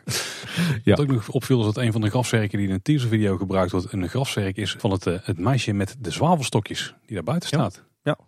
Zou, zou dat dan toch een soort van videomontage zijn? Dat ze die grafzerk op de foto hebben gezet en uh, digitaal in die video hebben geplakt? Uh, ik denk dat de Devo-afdeling wat grafzerken moest maken en dat ze hier gewoon nog een mal van hadden. Die gauw hebben geklust. En dat ze, zodat ze gewoon nog een anders uitziende grafzerk hadden. Dat klinkt eigenlijk ook wel heel erg plausibel. Ja, heel scherp, Paul. Uh, trouwens ook heel tof, want er waren een aantal faninitiatieven rondom het spookslot. Giertje 64 die maakte een, een heel mooi overzicht van alle 95 bewegende elementen in het huidige spookslot. Waarbij ik bij het zien van de plattegrond van het spookslot überhaupt al versteld sta hoe het in elkaar steekt. Ja. Je hebt echt geen idee welke kant je op gaat als je vooral de Vlederike zaal dan door bent gelopen. Maar het draait allemaal mooi over elkaar heen en zo. Er zit echt wel een leuk stukje gelaagdheid in. Maar er is ook een mooie kaart met 95 van alle bewegende elementen in het uh, spookslot. Heel tof. Ja, dit is wel echt uh, van een, uh, een dusdanige nerdfactor dat ik er ontzettend blij van werd toen ik die afbeelding voorbij zag. Zeker, zeker. We hadden het de vorige keer natuurlijk ook al over uh, de spookslot-tattoo van uh, Joost Major, die natuurlijk uh, gezet is door Bram Elstak. Hij kwam ook voorbij in de uitzending van Bo, waar we het daar straks over hadden natuurlijk. Maar je kunt ze nu ook zien op Loopings. Die hebben namelijk een aantal foto's geplaatst van zijn tattoos. En nou, we zullen even linken in de show notes. Dan kan je ze bewonderen, het werk van Bram Elstak. En wat me trouwens ook nog opviel, hij had natuurlijk eerder ook zo'n zo'n flashsheet gemaakt van ja, dat monstertje of die Vlederik uh, die we nu overal zien terugkomen in het logo van uh, Dans Macabre. En die natuurlijk ook in de kantelkamer van de Fata Morgana zit. En uh, Bram stelde toen op Twitter de vraag wie wordt de eerste die hem neemt. Maar hij is inmiddels gezet. Zeker. Bij ene Lotte, begreep ik. Heel cool. Ja, nog een andere coole uitspatting van een creatieve spookslotliefhebber. Sanne Bakermans, 32 jaar Diezen, die bouwde haar eigen spookslotminiatuur. Met een schaal van 1 op 87. Heel specifieke schaal trouwens. Ja. Ik zag deze zelfs langskomen in het uh, jeugdjournaal, Tim. Ja, maar het ziet er ook prachtig uit. Uh, ze schreef uh, volgens mij het artikel op Loopings of in het Brabants Dagblad dat ze nog nooit zoiets gemaakt had, zo'n miniatuur. Niet? Nee. Nou, dat was er niet af te zien. Dat ding zag er echt super goed uit. Prachtig. Ja, het was echt van een, van een kwaliteitsniveau. Je zou hem zo in het diorama van de Efteling kunnen schuiven. Ja, ook mooi gemaakt in, met de herfsttint hè, van alle bomen die eromheen stonden. Dat was een heel toffe miniatuur. Super tof. En ze vertelde trouwens ook dat ze eerst op zoek ging uh, naar uh, bouwtekeningen van het spookslot. Die kon ze niet vinden. Toen las ze ergens dat, ze, uh, dat de toren 20 meter hoog was. Dus toen heeft ze gewoon heel veel foto's gemaakt in het park. En heeft ze alle afmetingen teruggeschaald aan de hand van de hoogte van de toren. Hmm. Slim. Ja. Ben je wel echt lekker bezig. Ook daar zullen we weer naar linken in de show notes. En dan kan je haar miniatuur bewonderen. Nou, op heel veel plekken worden er allemaal voorbereidingen getroffen voor bouwwerkzaamheden. Maar er wordt ook gewoon ergens gebouwd in het park. Namelijk bij. Het huisje daar wordt herbouwd uiteraard. Ja, we roepen het iedere keer, dit gaat super hard en daar blijft maar doorgaan. Ja, inderdaad. Het uh, metselwerk uh, is helemaal klaar. Zowel aan de binnenkant als aan de buitenkant van het huisje. Uh, er staat ook een prachtige schoorsteen al op het dak. er moet natuurlijk nog wel riet worden aangebracht. Maar de houten kapconstructie met de schoorsteen erop, die zijn ook al helemaal af. en ze zijn nu eigenlijk aan het werk, aan het afwerken van die houten dakconstructie. aan de zijkant van het huisje hebben ze ook een uh, soort van houten ondersteuningsconstructie geplaatst voor uh, het uitbouwtje wat daar nog uh, moet komen. Mm -hmm. Pak er maar eens wat oude foto's bij van het huisje. En dan zul je inderdaad zien dat, ja, dat er eigenlijk een soort raar soort uitkrijging of misschien wel een raar soort dakkapel aan het huisje van zit. Nou, ook die keert, keert weer terug. En de afgelopen dagen is er ook volop gewerkt aan de omgeving van het huisje. Want rondom het huisje had je natuurlijk van die mooie plantenbakken. En die zijn nu ook weer helemaal opgemetseld. Netjes uh, in ijzelsteentjes, zoals ze origineel ook waren. Uh, en je ziet ook dat er alweer allerlei voorzieningen in zitten. Zodat straks op dat muurtje ook uh, de emmer met de mattenklopper kan komen te staan. Die het, het sprookje gaat activeren. Dus ja, het wordt echt gewoon één op één identiek teruggebouwd. En het, het gaat echt als een malle. Ja, ik ben toch benieuwd of er nog kleine technische verbeteringen zo plaats gaan vinden. Dat kan bijna niet anders, hè? beter geluid en zo. Daar moet haast wel. In ieder geval een uh, ontzettend tof projectje om te blijven volgen. Zeker. Nou, de zonnepanelen Tim op vak M die liggen er allemaal, dat weten we. Inmiddels is ook het, uh, het vak zelf weer in gebruik genomen om te parkeren. Het is nog wel een ontzettende bende volgens mij om die zonnepanelen. Ja. Ziet, er, ziet, er, echt uit als gewoon een, een tijdelijke oplossing om zo snel mogelijk daar we auto's kwijt te kunnen. Want ze moeten daar nog wel het een en ander opruimen. Ja, inderdaad, die hele puinfundering, daar is ook nog een, eh, een rommeltje. Eh, en ze zijn volgens mij ook nog volop bezig met eh, het aansluiten van de zonnepanelen en de hele elektrotechnische installatie. Maar goed, de carport staan en de panelen liggen erop, dus je kan er in principe een auto onder parkeren. En dat doen ze ook. Sinds zondag 22 mei kan je daar weer je auto zetten. En dat is ook hard nodig, want er zijn weer wat flink drukke dagen geweest zo rond Hemelvaart. Ik heb ook vak O, het... Het overloopparkeerterrein wat nu tijdelijk is verhard, is weer één keer gebruikt. Dus ze hebben het niet helemaal voor niks aangelegd. Ja, nog wat, eh, wat ontwikkelingen. Ze hebben nu uh, van die rood-wit gestreepte metalen paaltjes geplaatst. Zeg maar uh, onder de, de zonnepanelen. Om zeg maar de, de rijen auto's van elkaar af te scheiden. zodat je niet te ver doorrijdt onder de zonnepanelen. Ja, en er was ook hoog bezoek. Kamerlid Lianne de Haan die was op bezoek bij de Efteling. En die was er nogal onder de indruk van wat de Efteling doet rondom duurzaamheid. Die had daar een artikel over geschreven op haar eigen website van haar eigen fractie. En uh, één quoteje zullen we wel even uithalen. Met stijgende verbazing en bewondering zag Kamerlid Lianne de Haan tijdens een werkbezoek wat de Efteling allemaal doet in het kader van duurzaamheid. Bezoekers krijgen daar weinig van mee, dat gebeurt vooral achter de schermen. En dan zegt ze zelf, daar kan elk bedrijf in Nederland een voorbeeld aan nemen. Al dus Lianne. Nou, mooie woorden. En het leuke was dat eh, in hetzelfde artikel ook Mark Jansen eh, aan bod kwam. Bekende naam voor de wat meer ingevoerde Efteling-liefhebber. Hij is natuurlijk teamlead van de afdeling technisch ontwerp. En hij kon een heleboel vertellen over ja, het project Gasloos. Waar allemaal warmte-koude opslag wordt, wordt aangelegd. en hij vertelde wat interessante dingen erover. op dit moment zijn er al drie plekken in Efteling waar wordt gewerkt met zo'n warmte-koude opslag. In Ravelijn, het Efteling Hotel en Bosrijk. Uh, en Efteling bouwt nu dus een vierde WKO-installatie. Dat is een zogenaamd vijfde generatie netwerk. Wat uh, ja, een, verhoogd technologisch net is. Wat uh, nog niet eerder in een bestaande omgeving werd toegepast. Wel al een keer eerder in een nieuwe woonwijk in Amsterdam. Maar het netwerk wat in de Efteling komt te liggen. dus die, die warmte-koude opslag in het Anderrijk. Dat gaat een aantal gebouwen bedienen die al veel langer in de Efteling staan. Het Efteling Theater, Fata Morgana, maar ook Fabula en Fraboltes Kuge. Die nieuwe warmtekoude opslag dat eh, is een netwerk wat bestaat uit eh, in totaal zes bronnen. Waar het eh, bodemwater in en uit gaat. Dus op zes plekken in het Anderrijk ja, gaan we straks zo'n bron zien. We weten nu in ieder geval dat er eentje bij de Oase ligt. Eentje bij de Karpervijver en eentje achter de Back of the House van Fabula. Dus de andere drie moeten we nog even gaan zoeken. Mark vertelt ook nog dat ze sommige gebouwen niet gaan koelen, maar alleen verwarmen. Zoals de Fata Morgana.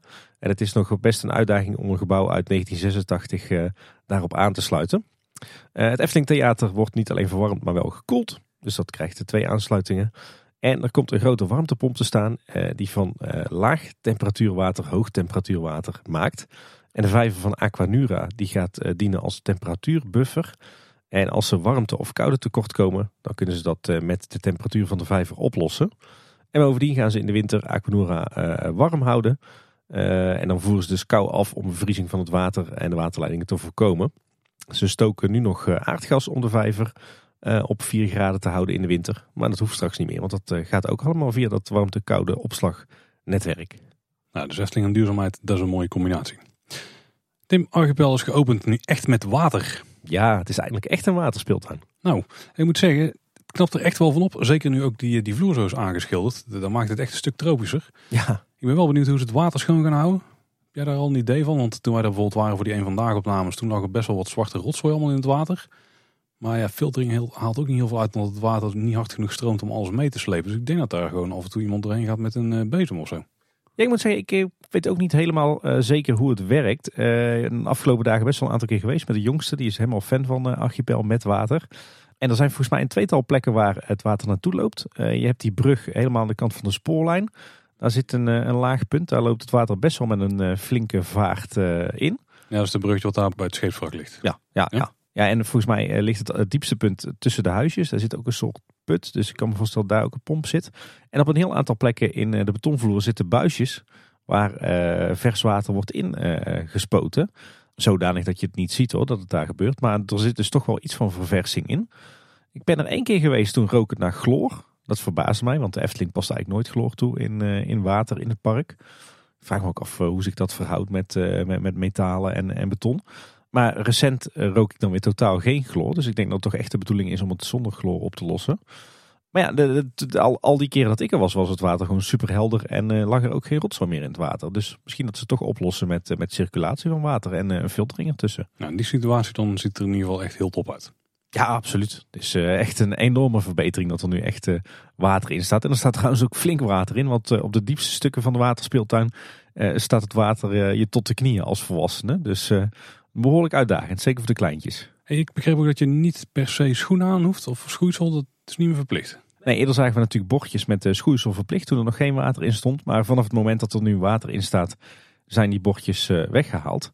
Uh, en ja, dat is eigenlijk maar goed ook, want ja, je trekt gewoon je schoenen en je sokken uit en je stroopt je broek op. En je kan de kids helpen hè, in de waterspeeltuin. En ik moet zeggen, dat gebeurt volop, want Archipel is echt een enorm succes op met name de warmere dagen. Want je kunt er over de koppen lopen. En het is ook goed voor de omzet van Jokies Wereld, hè?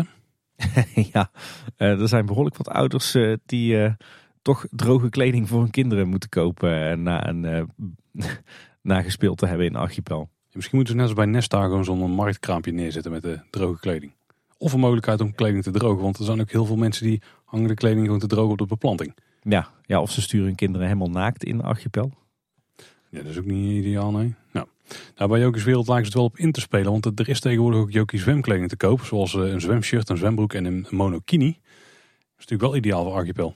Ja, ja, maar ik ben het wel eens met jou. Als ze nou slim zijn, dan zetten ze toch iets van een kraampje bij Archipel.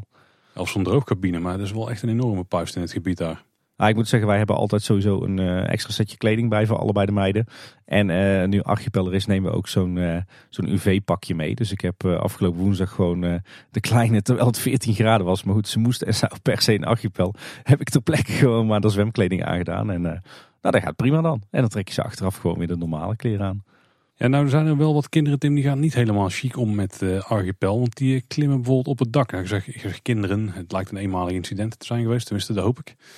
ja, ja, ja, ja. Ja, wat kunnen we daarvan zeggen? Hè? Kinderen spelen natuurlijk. En uh, in principe moet de speeltuin zo zijn ontworpen dat er geen gevaarlijke situaties kunnen ontstaan. Dat je natuurlijk wel vaker op speeltoestellen waar kinderen opklimmen, terwijl dat niet, niet de bedoeling is. Dus ja, laten we hopen dat dit een eenmalig incident was.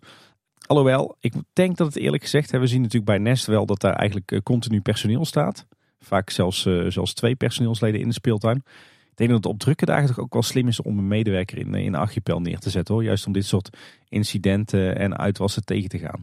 of een klein podiumpje en eh, Peter Koelewijn dan in repeat hetzelfde nummer laten spelen. Kan ook, kan ook. We hebben Archipel ook helemaal afgezocht naar watereffecten. Die zijn er eigenlijk niet zo heel veel, maar toch eentje nog kunnen ontdekken.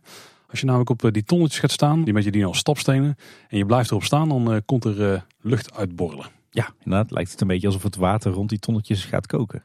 En dan weet je dat je op de volgende ton moet gaan stappen natuurlijk. Ja.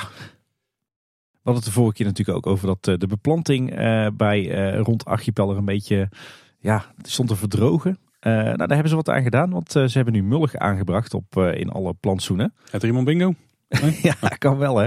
Ja, en ik hoorde uit betrouwbare bron dat ze later deze maand ehm, de, de, het restant van de planting gaan aanbrengen. Oh.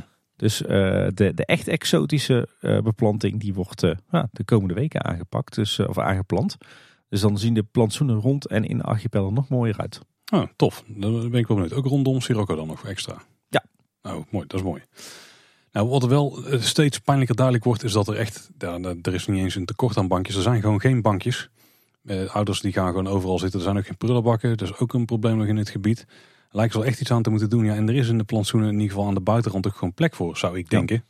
Dus ja, Efteling zet daar gewoon een paar bankjes neer, want mensen die missen het echt. Ja, ja het is echt geen doen hoor. Ik merkte dat uh, afgelopen week ook. Het was nog niet eens gek druk. Maar ja, je, je, mist gewoon echt zitgelegenheid. Inderdaad, een, een prullenmand. Zet voor mijn part een paar van die, eh, van die oude houten banken even neer als tijdelijke oplossing. En, eh, en werk daarna wat themabanken uit. Maar je hebt hier echt enorm veel zitcapaciteit nodig. Ook sowieso natuurlijk op het hele plein. Maar uh, zeker in Archipel, ja, je hebt hier gewoon hele massa's ouders die eh, ja, staan, te, staan te kijken terwijl hun kinderen aan het spelen zijn. Ja, en op een gegeven moment ben je wel klaar met dat eh, staan en hangen. En vervolgens gaan dus al die ouders op stenen zitten, op bruggen zitten, in de plantsoenen zitten. Ja, dat eh, lijkt me ook niet de bedoeling. Dus zet even wat bankjes neer, Efteling. Ja, concluderende archipel is nu echt open, kunnen we wel stellen. Ja, ja en archipel komt nu echt ontzettend goed uit de verf. Hè. Eerder waren we natuurlijk een beetje ja, licht enthousiast over archipel. Onder voorbehoud van hoe, wat gaat dit worden als er water in staat. Maar je ziet nu echt, nu met water erin, wordt wel echt alle potentie uit de archipel gehaald die erin zit. Het ziet er prachtig uit. En zeker inderdaad met die blauwe schilderingen op de vloer, wat jij al zei, Paul. Ja, en de kinderen gaan helemaal los, hè. Wij zijn dus nog niet geweest. Ik heb mijn kinderen niet uit het tropische water hoeven te trekken daar. Maar van wat ik ervan zie, is het inderdaad wel een succes, ja. Ja, en ik merk dat mijn kleinste, die dus groot fan is, die, die heeft het nu ook over het zwembadje. Dus je ziet overduidelijk dat er kinderen zijn die, uh, die inderdaad echt spelen zoals het denk ik bedacht is. Hè? Dus uh, probeer met droge voeten uh, jezelf tussen die huisjes te verplaatsen. Maar je ziet ook dat er massa's kinderen zijn die gewoon archipel gebruiken als kinderbadje.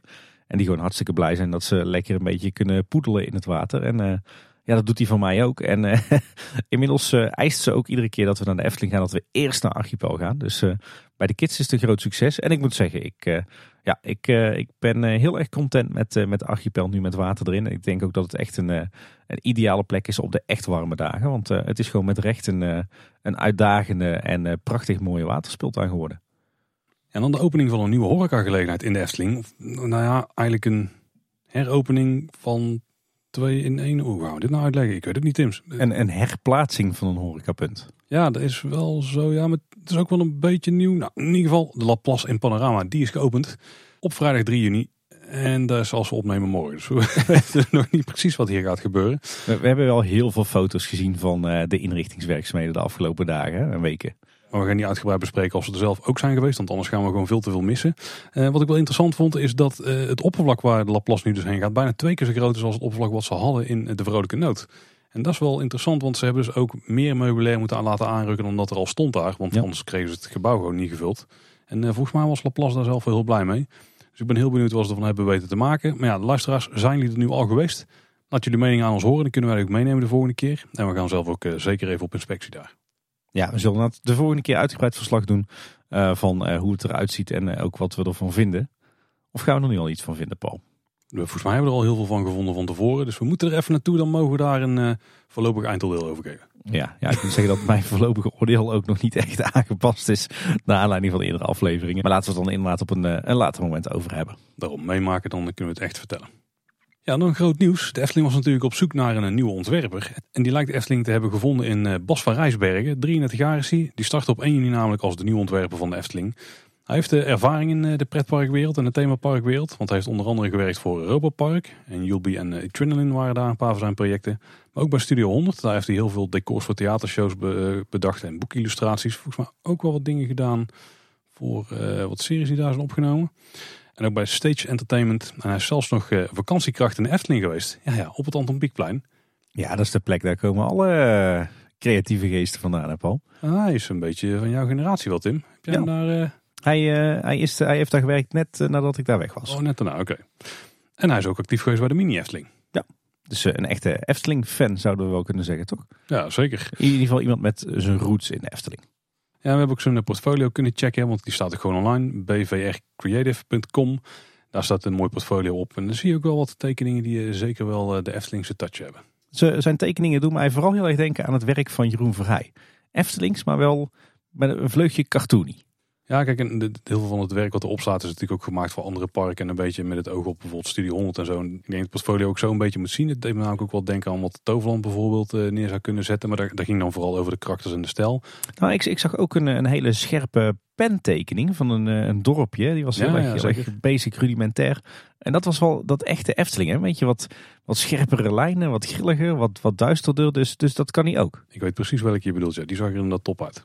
Tegen Loopings eh, zei Bas nog, het werken bij de Efteling zie ik als een unieke kans. Het is het hoogtepunt van mijn carrière. Nou, dat zal het moeten worden dan, denk ik. Want ja. u staat aan het begin daarvan nog. Toen ik gebeld werd met de mededeling dat ik was aangenomen, twijfelde ik of ik had gehoord. En drie uur later was het beseffen nog steeds niet. Ik eh, kan me voorstellen hoe blij hij is, ja. Er zit ook wel een randje liefhebber in Bas, denk ik.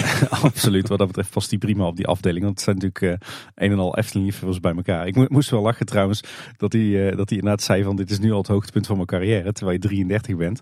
Maar ik zeg ook wel eens gekscherend uh, van het hoogtepunt van mijn carrière was toen ik 20 was en mee mocht werken aan de bouw van de Vliegende Hollander. En dat zie je mensen ook altijd vertwijfeld kijken van meent hij dat nou of is het een grapje? Dat ben je. Niet een geintje, seintje toch?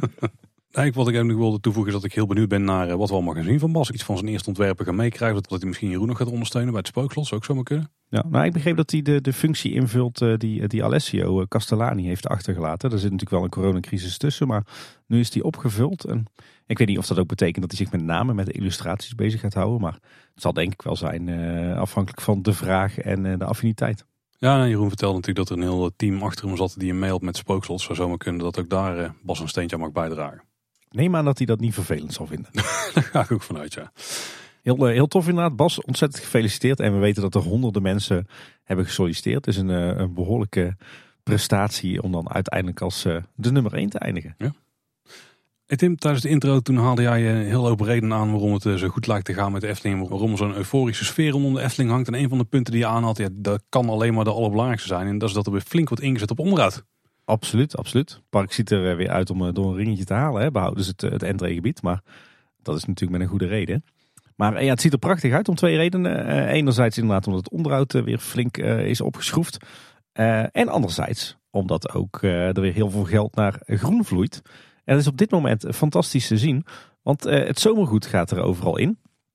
Uh, zo ziet de Pardoespromenade er weer een stuk netter uit nu alle plantvakken zijn gevuld met, uh, ja, met het zomergoed. Het moet allemaal nog een beetje in bloei komen, maar het, het ziet er allemaal heel erg ja, mooi en afwisselend en ook natuurlijk uit. Het wordt, wordt echt een plaatje voor het oog. En mijn favoriet op dit moment is toch wel het Fata plein. Nou, daar moet je echt, echt gaan kijken, want dat ziet er echt prachtig uit. alle bakken zijn weer gevuld met, met prachtig exotisch en kleurrijk zomergoed. Het staat lekker vol, er staan allerlei planten door elkaar heen. Uh, de, de bananenplanten en de palmen zijn weer uit de kas. Uh, die kleine potjes die staan vol. Uh, de fonteinen doen het. De, de toortsen doen het. Dus het is echt, echt prachtig. En ik zag zelfs, en dat is echt lang geleden, dat ze niet alleen die schalen weer vullen met, met zomergoed. Maar ook bijvoorbeeld allerlei houten kuipen en allerlei rieten manden. Die staan weer her en der in het park. Mooi gevuld met potgrond en allerlei bloemetjes erin. Dus ja, er is echt een volop budget voor groen in het park. En uh, daar knapt het enorm van op. Dus heel tof. Uh, alleen toch ook nog één klein teleurstellend uh, groen nieuwtje, Paul. En dat gaat vooral jou aan het hart, denk ik. Oh. Want we hebben het er al vaker over gehad. je had natuurlijk voorheen aan de Europalaan, of eigenlijk op het parkeerterrein met zicht op de Europalaan, had je zo'n heuvel waar mooi met, met Buxus Efteling was geschreven. Ja, die, die gaan me niet zo aan het hart als de oude viooltjes. Oké. Maar dit was de, de moderne reïncarnatie ervan. Een tijdje terug eh, zijn al die struikjes weggehaald. Mhm. En we hoopten dat die, eh, dat die toch terug zouden komen. Zo mooi bij de inrit van het eh, parkeerterrein. Maar ze hebben nu gras ingezaaid. Dus ik denk dat het voorlopig exit is voor die letters. Hm. Nou, dan moeten we maar hopen dat jouw zo geliefde bordje weer terugkomt. ja, precies.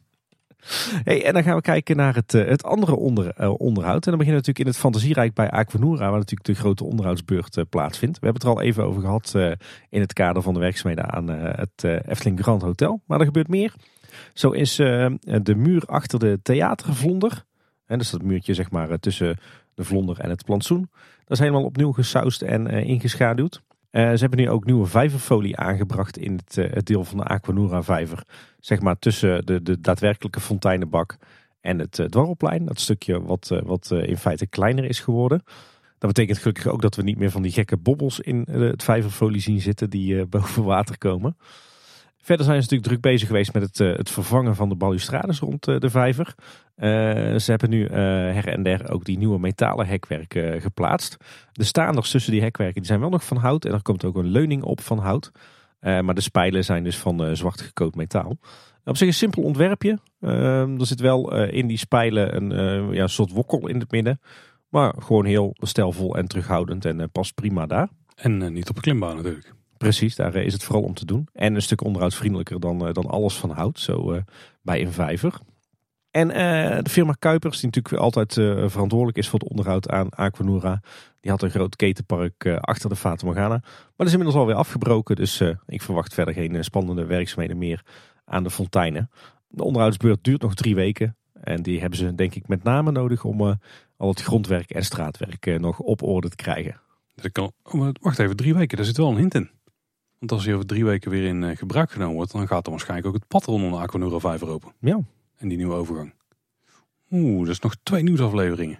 Ja. En een beetje, want dan komen we op een gegeven moment in de knoei met aflevering 282. Ja, inderdaad, met uh, Kleine Oostgroep in theater. Maar het, uh, ja, het zou me niks verbazen als inderdaad uh, tegen begin juli dat, dat het, het hele bouwterrein van het hotel wordt vrijgemaakt. En dat de bouwput gaat worden uitgegraven. Nou, daar hebben we zin in. Zeker. Door naar het, uh, het andere rijk, naar de Fata Morgana. Daar gebeurt ook zoveel aan onderhoud. Uh, in de, de eerste jungle hebben we weer een laser op de deur. Op het moment dat uh, de kalif met zijn toverstaf heeft gezwaaid en er hebben wat sterren gefonkeld, dan komt er ineens weer een laser op de deur te staan. En deze is blauw.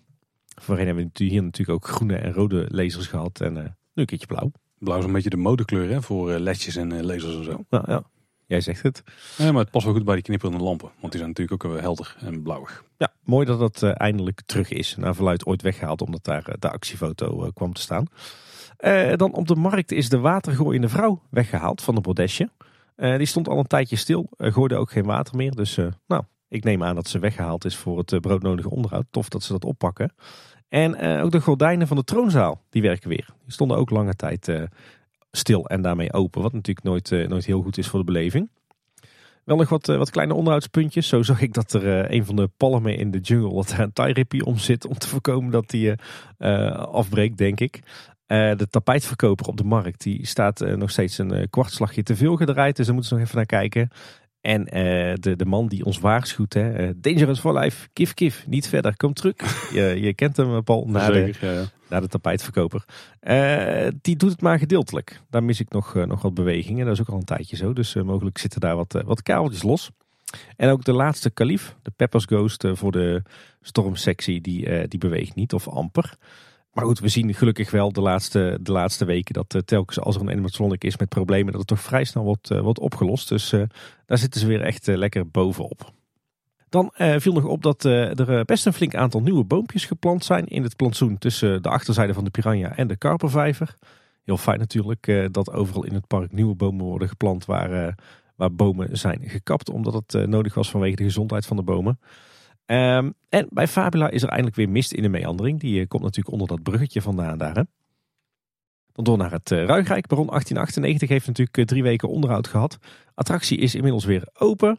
We hebben eerder beelden gezien dat de hele schachttoren is geschilderd. Of in ieder geval is bijgewerkt door uh, Abseilers. Dat was een, een spectaculair gezicht. Verder zijn de treinen voorzien van een nieuwe bestikkering. En het lijkt erop dat de animatronic van baron uh, Gustav Hoogmoed ook is opgefrist. Volgens mij heeft hij in ieder geval een setje nieuwe kleding gekregen. Mm, misschien ook wat nieuwe griem en wat nieuwe beharing op zijn hoofd. Uh, kon er de vinger niet echt achter krijgen, maar daar is in ieder geval ook wat, wat aandacht voor geweest. Dan is er bij de Vliegende Hollander natuurlijk ook onderhoud geweest aan de gevels. en er viel nog op dat ook alle vaandels die aan de, de havenhuisjes hangen daar aan de buitenzijde vernieuwd zijn. En dat ook de uithangbordjes aan de gevels een mooie schilderbeurt hebben gehad. En op het plein heb je zo'n ja, een beetje een houten, houten bouwsel met daarop een, een grote mast. daar zit een speaker in verstopt die zorgt voor muziek op het plein.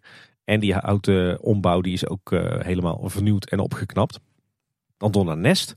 Daar vinden we een nieuw speelelement. Het is een soort van kronkelende RVS-buis met uh, een aantal vlinders eraan die je op en neer kan bewegen. Ja, bijna zo'n spiraal. Hè? Zo'n ja. spelletje dat je de buis juist niet mag raken. Ja, een beetje stroom erop zetten. Oeh, nou, dat we dat maar niet doen in nest. uh, vind je een beetje aan, uh, aan de linkerzijde in het middelste deel van, van de speeltuin. En een aantal speelelementen die aan, het, ja, zeg maar aan de, de buitenrand van Nest hingen. bij de vlonder, zeg maar. die zijn verwijderd. Misschien dat die worden opgeknapt. Als wel nodig, want een aantal van die spellen waren eh, toch al eh, in een slechte staat inmiddels. En bij het eh, kinderspoor, de traptreintjes, is een van de slagbomen defect. Maar binnenkort is het kinderspoor natuurlijk een paar dagen dicht voor onderhoud. En laten we hopen dat dit dan ook wordt gefixt. Ik vermoed dat er een staalkabel is geknapt of zo. Dan door naar de pagode in het Reisrijk, waar natuurlijk ook al enige tijd groot onderhoud plaatsvindt. We weten natuurlijk alles van sinds onze reportage op de bouwplaats daar. Uh, daar zijn inmiddels de moving heads aan de tempel gehangen, hè, de, de nieuwe verlichting. Uh, we kunnen ook zien dat er in de tempel nieuwe zeilen zijn aangebracht. En die zijn inderdaad deels wegritsbaar, zoals we, ons was verteld toen we over de bouwplaats liepen daar. En ja, dat wordt eigenlijk sinds een aantal weken volop getest. Hè. De pagode gaat continu omhoog, omlaag. Er wordt met cilinders getest, waardoor het, het platform alle kanten op opschiet. Ja, ze zijn gewoon echt druk bezig met het, het inregelen, programmeren en testen. En we weten ook dat ze daar een heel programma voor hebben ontwikkeld van een aantal weken. Om uiteindelijk de certificering van de TUF te krijgen. En daar zijn ze nu volop mee bezig. En verder viel ook nog op dat in de meandering nieuwe verlichting is geplaatst. Ook helemaal in het, het Thaise thema. Nog meer positief onderhoudsnieuws. Uh, en heel verrassend ook. Want Vogelrok, en dan niet alleen de attractie, maar de vogel die aan het plein staat. Die kampte natuurlijk al lange tijd met problemen. want de kop en de nek die kunnen allebei afzonderlijk van elkaar bewegen.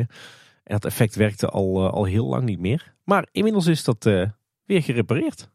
Dus hij kan zijn nek weer bewegen en de kop op die nek beweegt ook weer. Dus Heel positief nieuws. Dan is Sirocco natuurlijk een aantal dagen dicht geweest voor wat, wat restpuntjes. En een van de dingen die opviel is, je had in de vijver, zo'n beetje naast de brug tussen Sirocco en Archipel, had je zo'n ja, een plek zeg maar, waar al het water naartoe liep. En, dat werd er dan weggezogen om op een ander punt weer terug in de vijver te worden gebracht. Dat zag er niet altijd vrij uit, maar dat hebben ze inmiddels netjes afgewerkt met vlonderplanken. En het eh, podium van Joki en Jet op het Rijsrijkplein is een tijdje weg geweest. Uh, naar verluid omdat het een en ander kapot was gemaakt door, door kids. Inmiddels is het weer teruggeplaatst op het Rijsrijkplein, maar voorlopig nog zonder luchtballon. Ik denk dat die gerepareerd moet worden. En laten we hopen dat die binnenkort ook weer terugkeert. Gaan we door naar het Marenrijk. nieuw op de onderhoudsplanning is de stoomcarousel. Die is van 1 tot en met 6 juni dicht.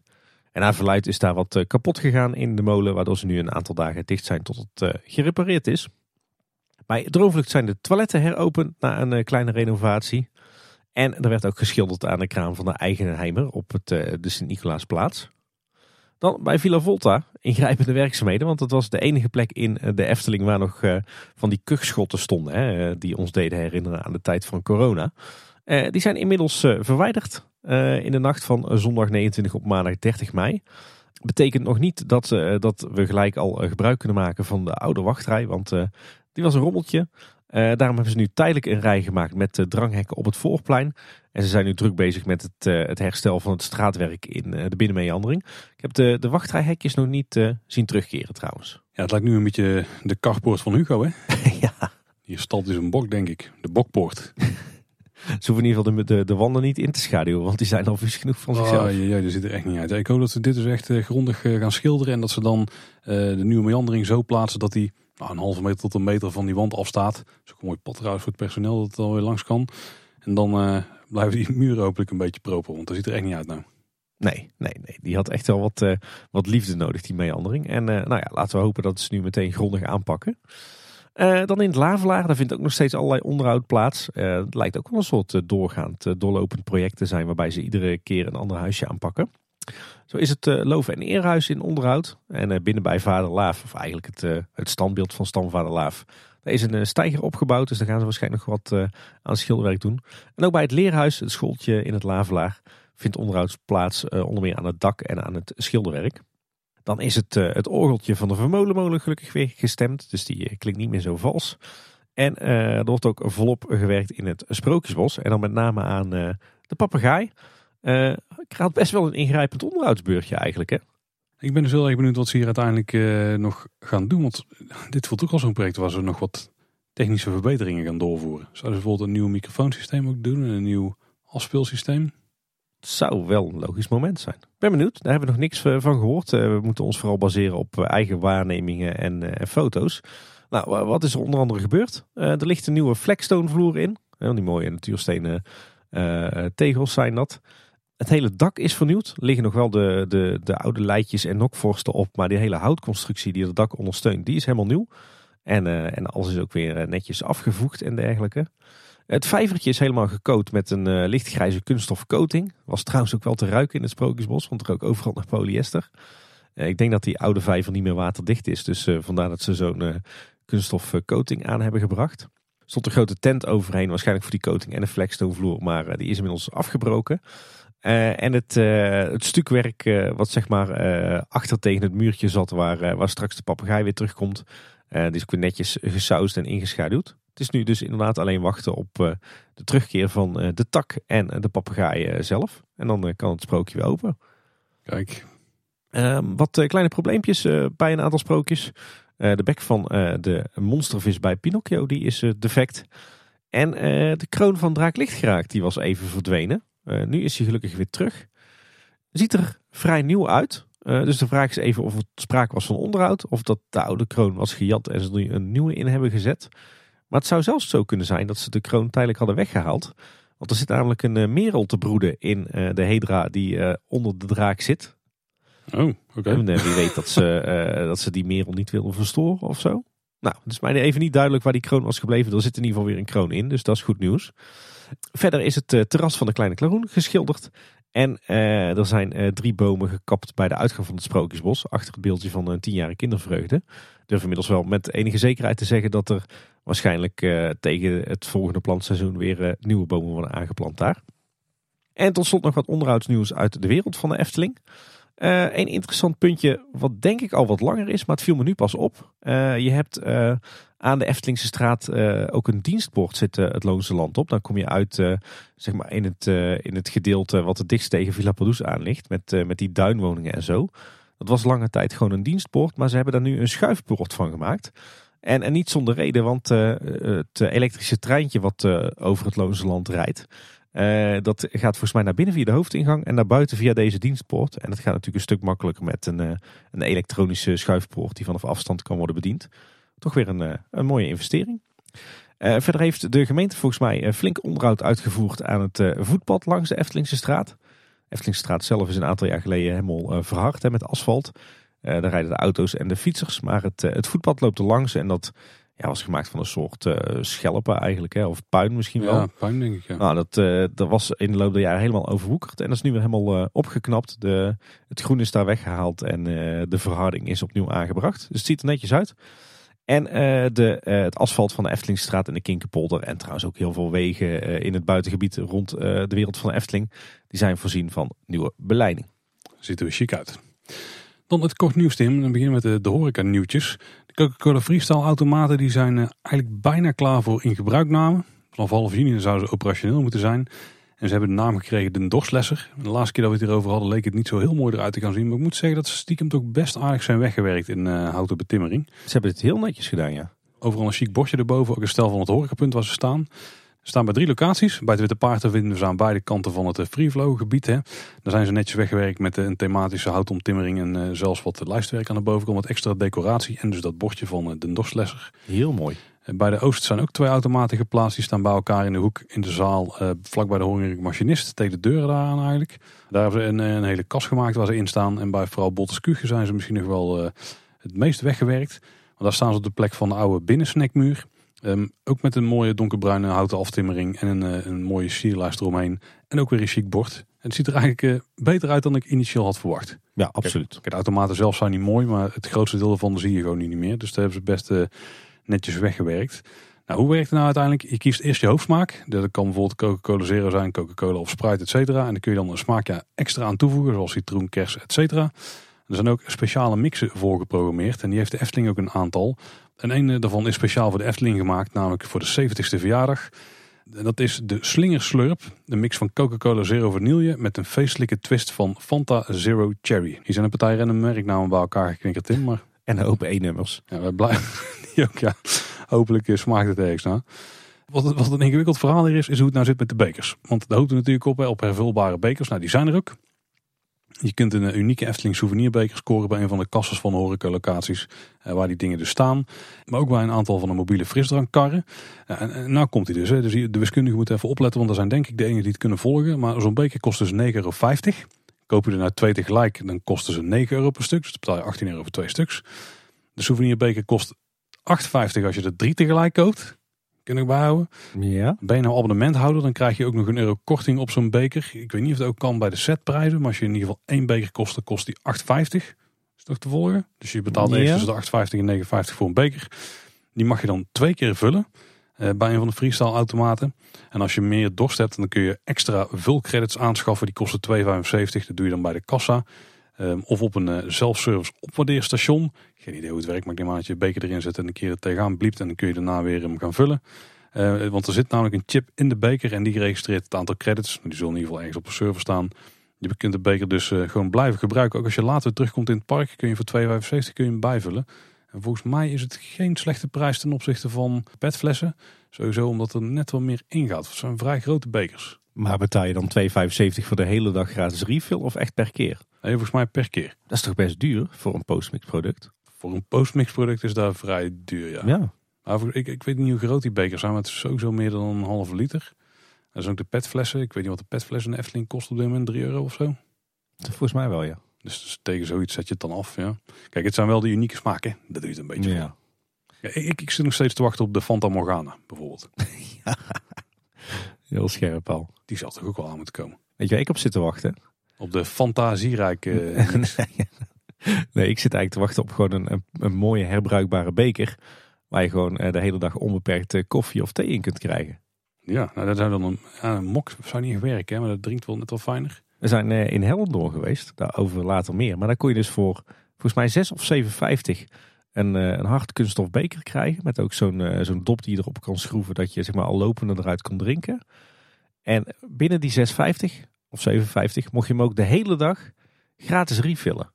Dat vond ik een aangename deal, toch? Ja, ja, ja. Je moest tw- 2,5 keer koffie tappen om het eruit te hebben. Nou, rond een uur of 11 's ochtends heb ik dat wel bereikt. Dus Blijft een ambtenaar, hè? Ja, ja, prima deal. Laten we hopen dat het ooit in de Efteling nog eens van komt. Ja, daar zou dan een andere hoek weer zijn, een koffie- en theehoek. Nou, het zou prima kunnen, maar dan geen cappuccino voor jou. Ja, natuurlijk wel. Ja, dat kan ook dan, voor dezelfde Ja, ja, zeker. Oh, nou, dat is een goede deal. Als ik, waar ik koffie zeg, bedoel ik eigenlijk cappuccino. Oké, ik zal het verstaan auto-replace in mijn hoofd. Stop de tijd. Ik nog een eh, helder diner nieuwtje. We gaan er binnenkort zelfs naartoe trouwens, Tim. Ja, cool. Wij gaan met, eh, met beide gezinnen eten bij het Wapen van Ravelijn. We kunnen er uitgebreid over praten. Tegen de tijd dat deze aflevering uitkomt is dat zelfs al gebeurd. Ja, Maar abonnementhouders die krijgen 15% korting op het helder diner op 10, 13, 20 en 27 juni. Dus je moet er snel bij zijn.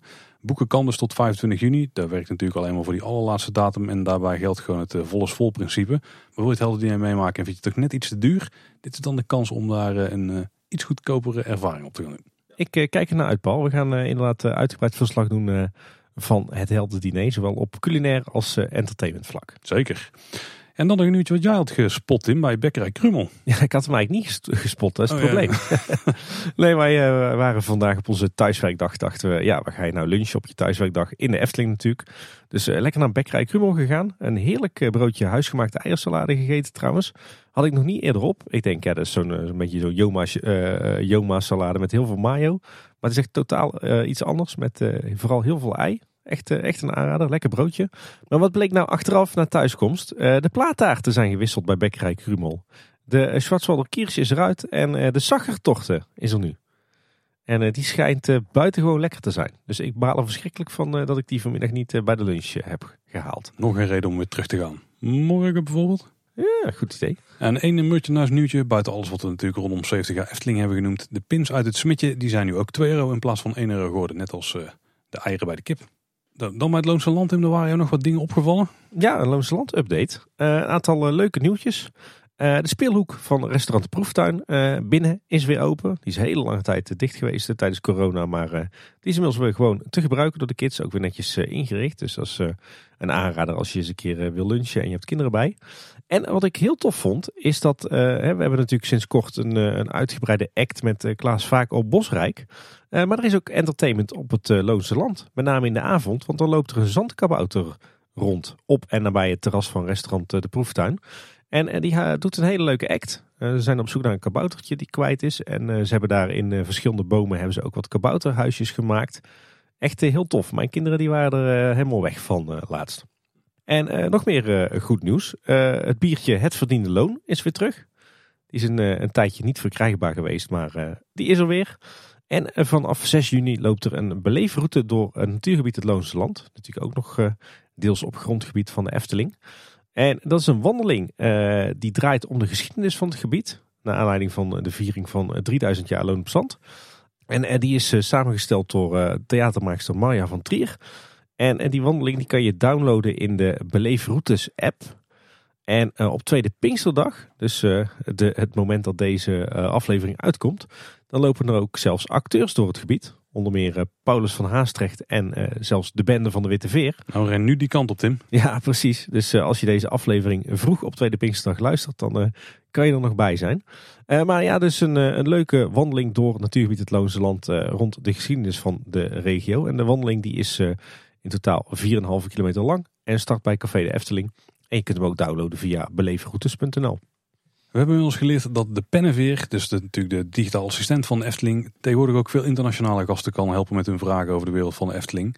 Want de antwoorden die worden automatisch vertaald, maar gast die kan ook in chat met de medewerker uh, starten en in zijn eigen taal blijven praten. En dan komen ze bij de medewerker ook weer uh, vertaald aan. Ja. Het werkt in het Engels, Duits, het Frans, het Spaans, het Italiaans, maar ook het Chinees.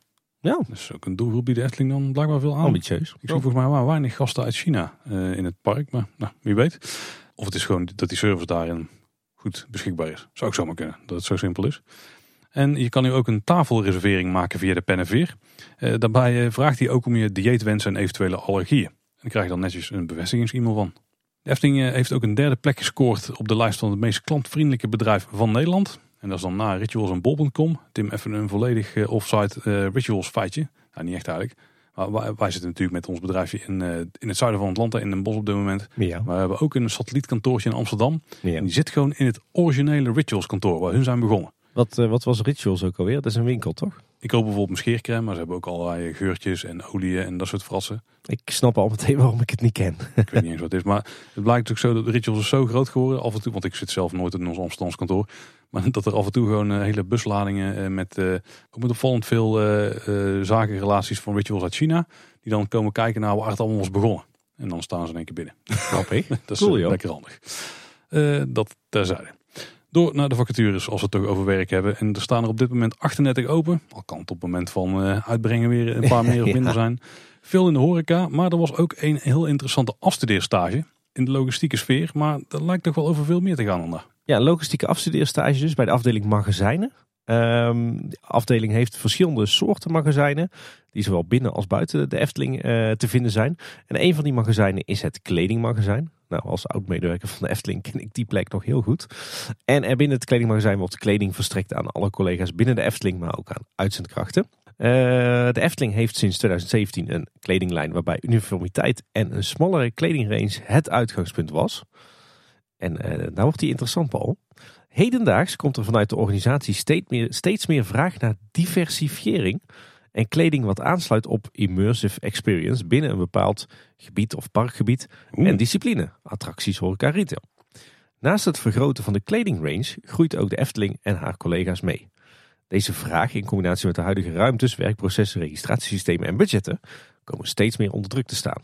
Hoe kunnen we als Efteling ervoor zorgen dat er zo goed mogelijk antwoord wordt gegeven op bovenstaande vragen? Welke middelen, processen, systemen zijn hiervoor nodig? Hoe zou de supply chain bedrijfskleding van de Efteling eruit moeten komen te zien?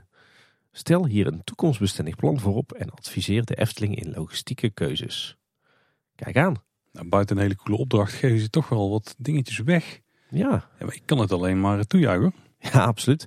Meer themakleding in de Efteling. Ja, kijk, het is bij Bakkerij Krumel natuurlijk ook het geval. Hè. Daar hebben ze ook een themakleding. Bij eh, Polles Keuken heb je het ook. Bij het Wapen van Ravelijn heb je het ook. Ja. Vooral in de horeca lijkt het wel echt een ding te zijn. En ik kan me niet voorstellen dat de Efteling op een gegeven moment teruggaat bij de attracties. Bij eh, volledige thema-outfits. Want ja, dan heb je die onderlinge uitwisseling en zo niet meer. Of die is een stuk moeilijker.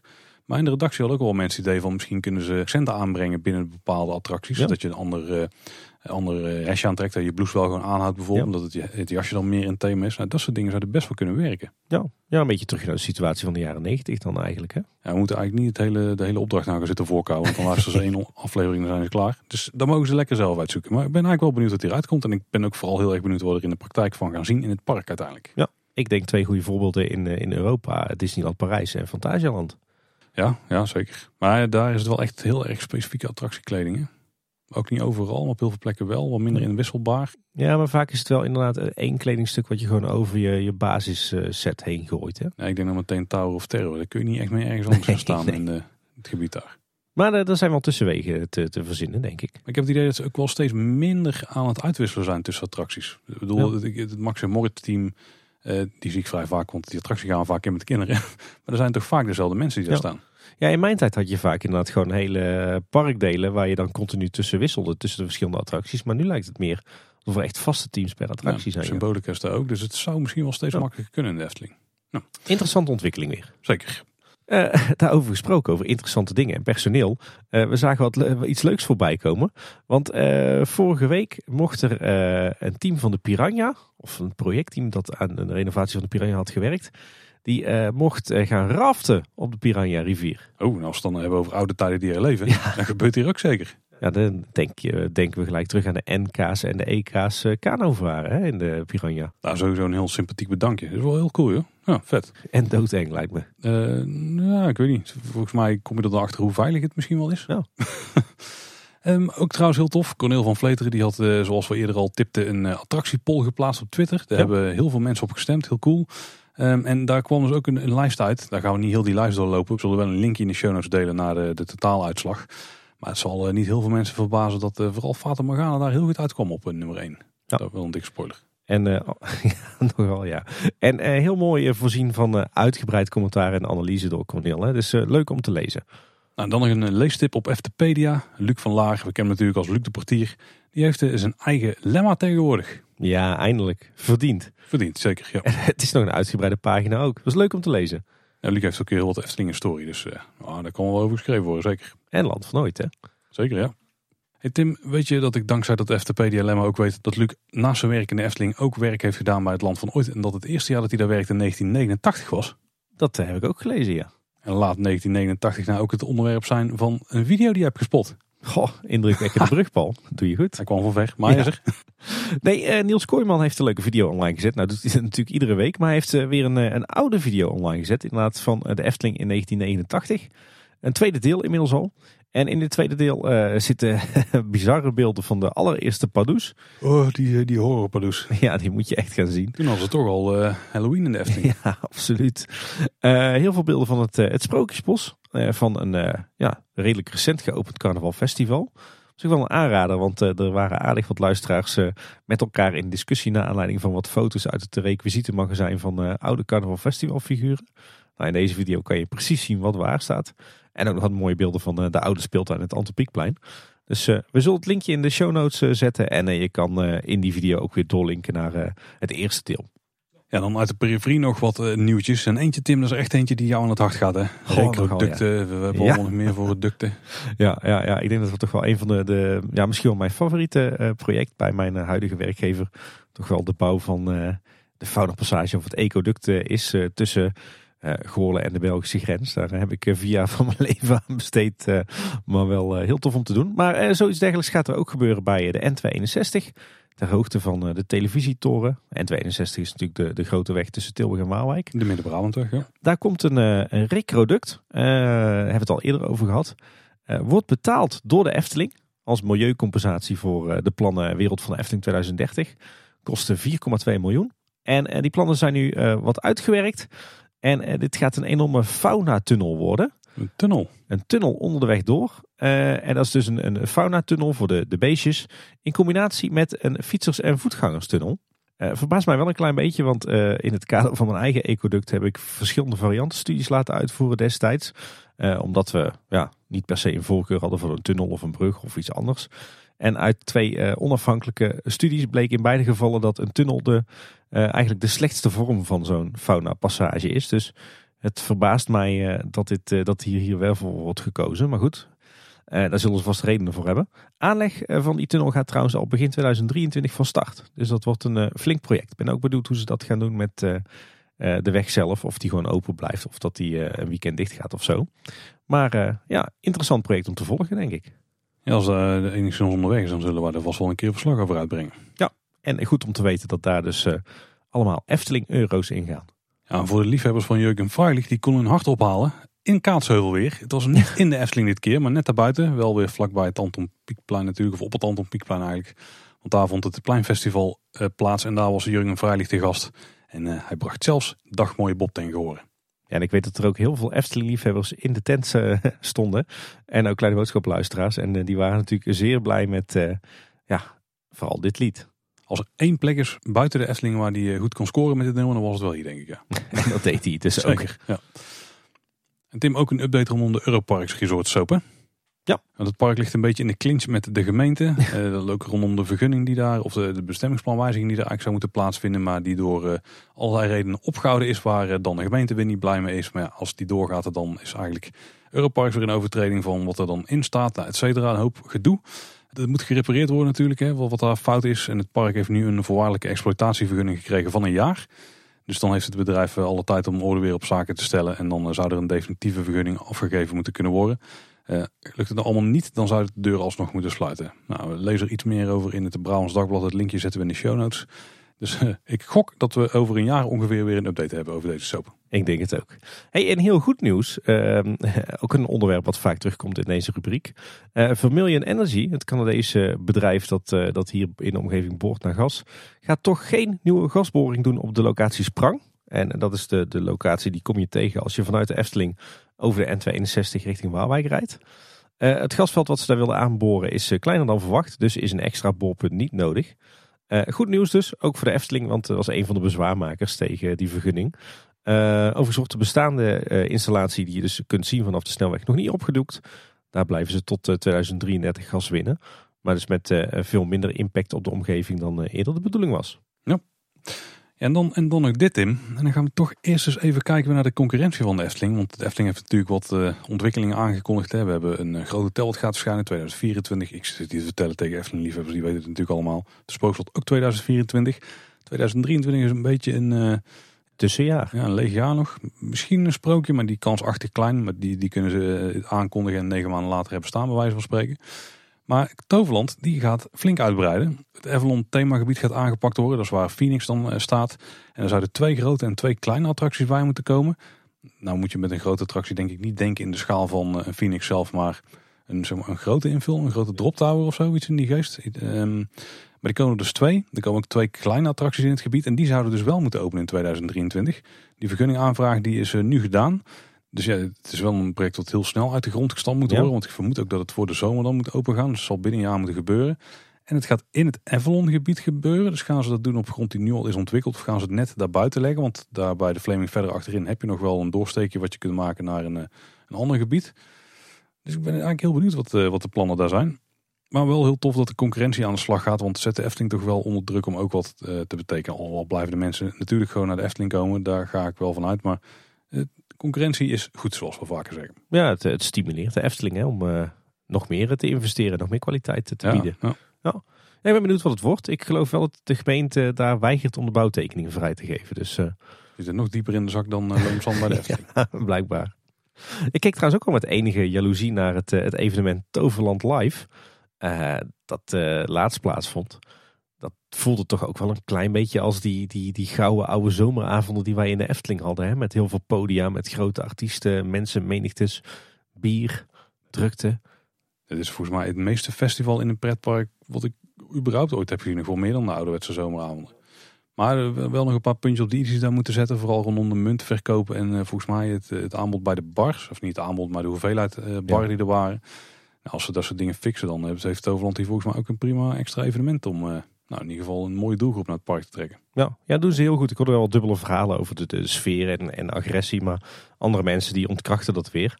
Ja, weet je, uh, ondanks dat het volgens mij niet echt mijn soort muziek was. Ja, ik ben wel voorstander van dit soort evenementen, festivals, concerten, hardticket events in, in pretparken. Ook in de Efteling. Ik denk dat ze nu momenteel echt wel wat, wat geld laten liggen door dit soort dingen niet meer te organiseren. Maar nee, Toverland uh, doet, doet het wat dat betreft ook, ook erg goed. Nou, ik denk dat de Efteling dus wel een beetje van de situaties af wilde die rondom die negen pleinverstijnen plaatsvonden. Ja. Maar dit jaar gelijk een reïncarnatie te krijgen. Dus ik ben heel benieuwd welke vorm dat gaat uh, opleveren. Maar daar horen we, nou, daar horen we denk ik ook binnen nu en een paar weken meer over. Misschien wel de volgende nieuwsaflevering. Ja, onze nieuwsaflevering worden niet bepaald compacter, uh, nee, lijkt het wel. Ze hebben wel iedere keer een thema, lijkt het. Ja. En dan nog uh, één laatste ding, Tim. Jij hebt geen Instagram, hè? Ik denk dat je daar nog nooit zo hard hebt van moeten balen als nu. Want de vriend van de show, Danny van der Wil, die zit in de Verenigde Staten. Samen met David. En die, die zijn naar nou, toch wel een bucketlist tripje aan het doen. Die zijn namelijk van het noorden van de Verenigde Staten aan het afzakken naar het zuiden. En die doen daarbij allerlei ja, pretparken aan waar je misschien niet meteen aan denkt als je aan nou, de grote pretparken denkt. Hè. Dus niet, niet de Universal parken, niks van Disney. Maar allerlei parken waar vooral heel veel interessante achtbanen staan. Ze beginnen in het noorden bij Cedar Point. Daar zijn ze inmiddels alweer weg. Ze zijn op dit moment bij Kennywood.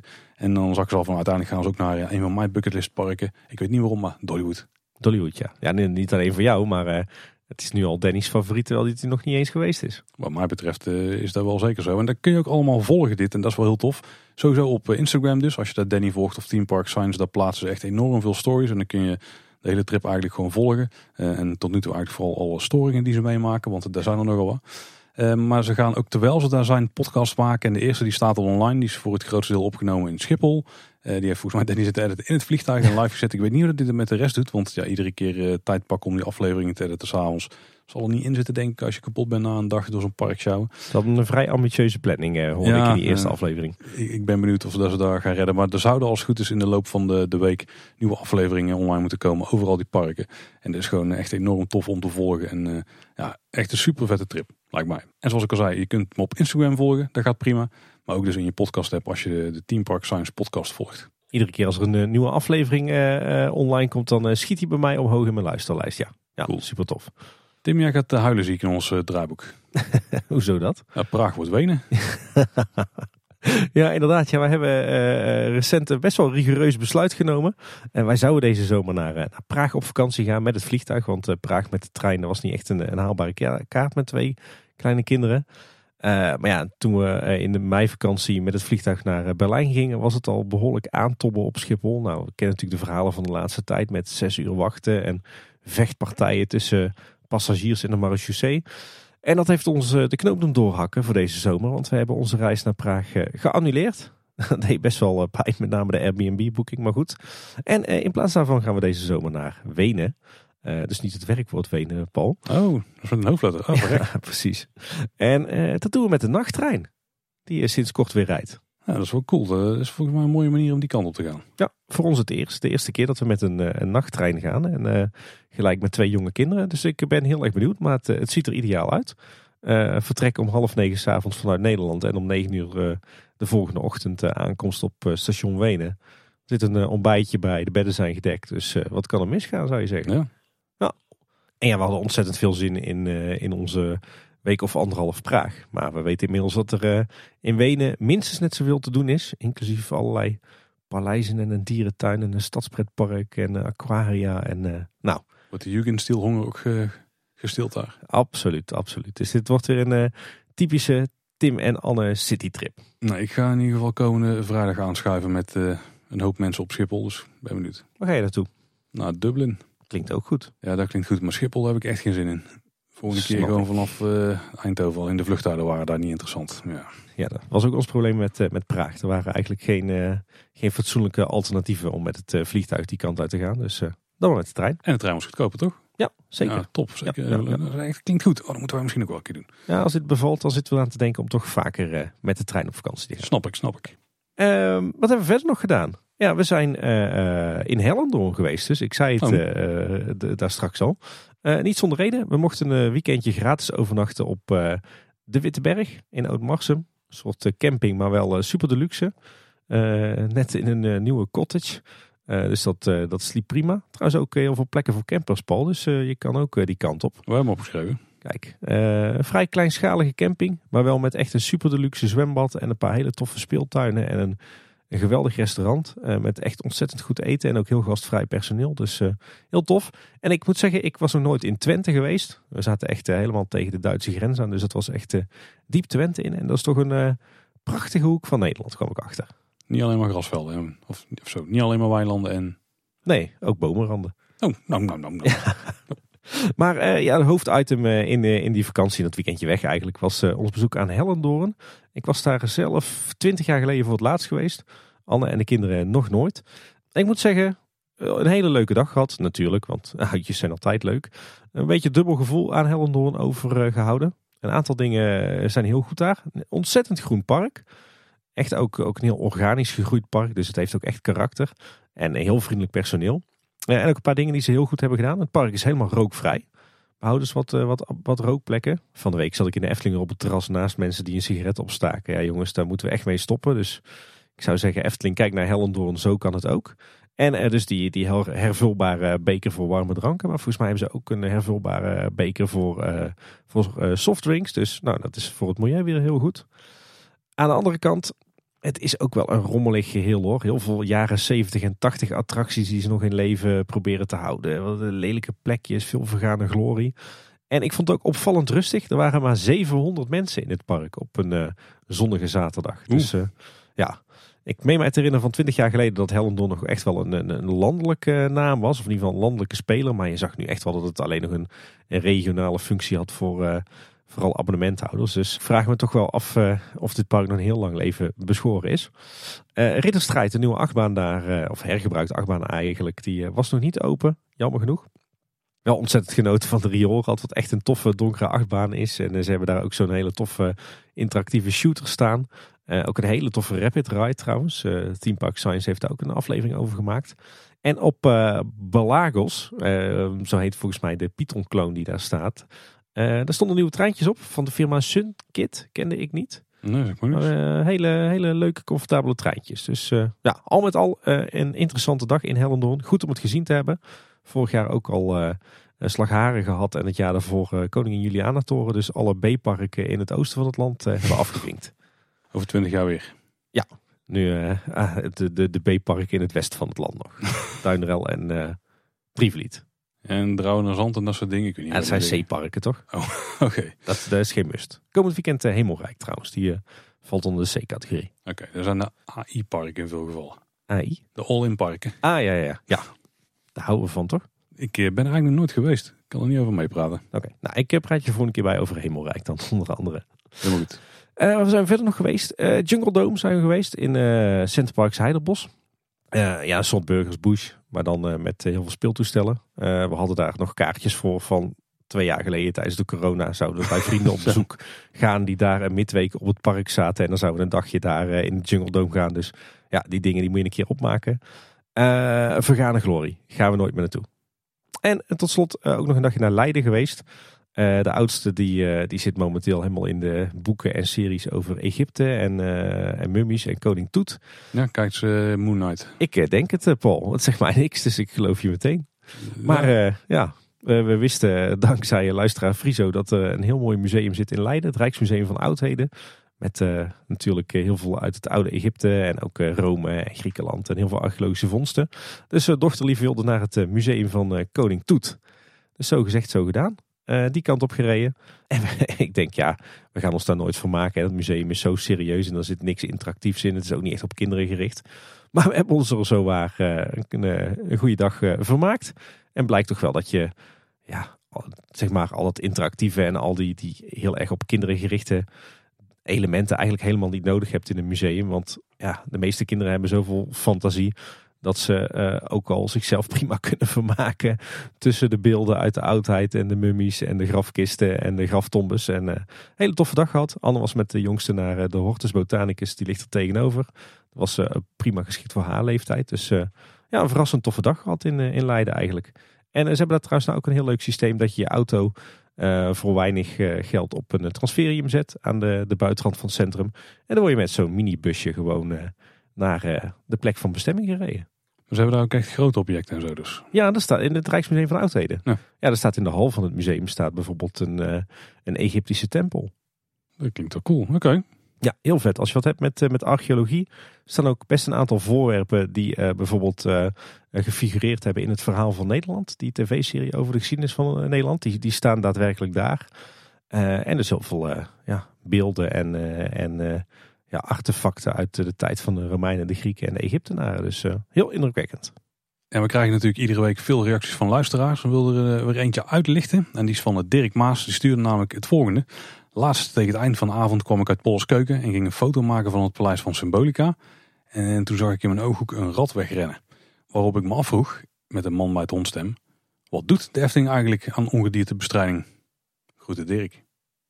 Dat moet je wel met een man bij het hondstem doen, eh, Paul. Die heb ik niet, dat is echt 100 jaar geleden dat ik die heb gekeken. Kun jij hem opnieuw doen? Wat doet de Efteling eigenlijk aan ongedierte bestrijden? Nee, dat is, nee, kan Moeilijk, toch- nee, dat lukt me niet. Dat lukt me niet. Daar moeten we Maurice van Team ook eh, voor hebben. De babbelbox schrikt ook niet snel terug van ratten en vraagt... Wat doet de Efteling allemaal aan ongediertebestrijding? Ja, ik denk niet dat dit eh, die gerumorde eh, animatronic van Rattar is, hè? Die die daar zag. Denk het ook niet, nee. Zou wel leuk zijn. Er zit inderdaad eh, er zit ongedierte in de Efteling, ja, dat is eh, zeker. Ja, ik denk dat de Efteling ook echt wel, eh, dat dit ook wel echt wel een serieus aandachtspunt is hoor. We zien toch ook vaak busjes van de Rentokill eh op het terrein staan bij de Efteling. En mensen van Rentokill rondlopen. Dus dat doen ze ermee. Ik denk dat ze een heel dik contract met Rentokill hebben. Wat natuurlijk ja, volgens mij de beste ongediertebestrijder is eh, in deze regio. Ja, eh, weet je wat is? Eh, ik ben ooit bij een, eerdere, bij een andere werkgever heb ik ook een stukje ongediertebestrijding moeten doen. Of althans was ik ervoor verantwoordelijk. En liep ik vaak met die lui rond. En eentje vertelde me, als je ergens één rat ziet, dan weet je dat er nog tien andere verstopt zitten. Want hij zegt, eh, ratten zijn hele schuwe beesten. En als je ze echt overdag gaat zien, nou, dat is een teken dat er heel veel zitten. En ik heb al best wel eens een rat in de Efteling zien zitten. Dus ik denk dat ze daar wel een serieus probleem hebben. En dat is ook wel te begrijpen, hè? want ja, wat, wat, wat vertelde zo'n ongediertebestrijder met destijds ook? Hij zegt, ratten hebben eigenlijk maar twee dingen nodig. Dat zijn schuilplaatsen en eten. Hij zegt, en eigenlijk het slechtste wat je kan hebben is een bosachtige omgeving. Want dan kunnen ze overal hun, eh, hun nesten en schuilplekken maken. En tegelijkertijd ligt natuurlijk overal eten. Hè? Denk aan het afval wat mensen achterlaten. Denk aan eh, de restaurants, de, de keukens, de emballages. Denk aan eh, de kliko's waar dingen naast vallen. De Efteling had natuurlijk in het verleden ook overal dat vogelvoer hangen in grote hoeveelheden. Dat is denk ik niet voor niks eh, een paar jaar terug allemaal verdwenen. Dus ja, ik denk dat de Efteling best wel een uitdaging heeft op het gebied van eh, ongediertebestrijding. En eh, op basis van wat wij zien in het park hebben ze, schakelen ze daar de firma Rentokill voor in. En nou ja, die zullen daar best een aardige klui van hebben, denk ik. Maar ja, niks aan te doen. Dat is de natuur, denk ik. Dat is het gevolg van ja, in een bosachtig park een, een pretpark uitbaten. Ja, en volgens mij zit het in het algemeen zit in de Efteling vrij goed op. Want je hoort wel eens horrorverhalen uit andere parken. Of nou ja, horrorverhalen. Dat als je daar achter de schermen loopt bij attracties, dat je er bijna niet aan kunt ontkomen. Volgens mij valt dat wel mee bij. Nee, zo erg is het in de Efteling niet. Ik denk dat ze dat ook wel echt eh, alles op alles zetten om dat te voorkomen hoor. Al waren laatst bijvoorbeeld in Portaventura. En volgens mij zag je daar, eh, als je een beetje erop ging letten, langs heel veel eh, wanden en zo van grotere gebouwen van die dozen staan waar dan het ongedierte in gevangen moest worden, weet je wel. Van die, Ja. Ja. ik weet niet of het dan voor muis of rat is, maar van die ze op te vangen. Eh, ratten, denk ik. Maar dat, eh, bijvoorbeeld in Walibi Holland zie je dat ook overal. In Efteling zie je het eigenlijk nergens, dus eh, dan hoop ik dat ze het goed op orde hebben. Of Moet je, moet je verstopt- toch iets beter gaan opletten, Paul? Daar verstoppen ze het in ieder geval beter. Ja, iets waar je denk ik als bedrijf ja, niet veel aan kunt doen. Behalve het zo onder controle proberen te houden. Ook nog een korte vraag van Mitch. Wat is jullie favoriete plekje met de mooiste natuur door middel van bloemen of planten in de Efteling? Oeh. Hm, ik zit, ik zit, ehm, ik hink op twee gedachten, Paul. De minder niet. Ja. Ik twijfel tussen enerzijds het Fata Morgana-plein. Was Ja, dat wel echt, makkelijk. echt iets moois doen met, eh, met, eh, met prachtig zomergoed nu. Maar denk ik, nou, ik heb eigenlijk drie plekken. Mag het ook? Mm, het is gewoon een volle lijst met eervolle vermeldingen. Ja, precies. Nee, dus ja, mijn, mijn, mijn favoriete qua, zeg maar, qua, qua zomergoed, dus qua zomerse beplanting, Fata Morgana-plein. Ik vind eh Sint-Nicolaasplaats ook heel mooi wat ze daar doen in de borders. Het is echt, echt wilderige, eh, wilde beplanting met, eh, met mooie bloemen neer altijd.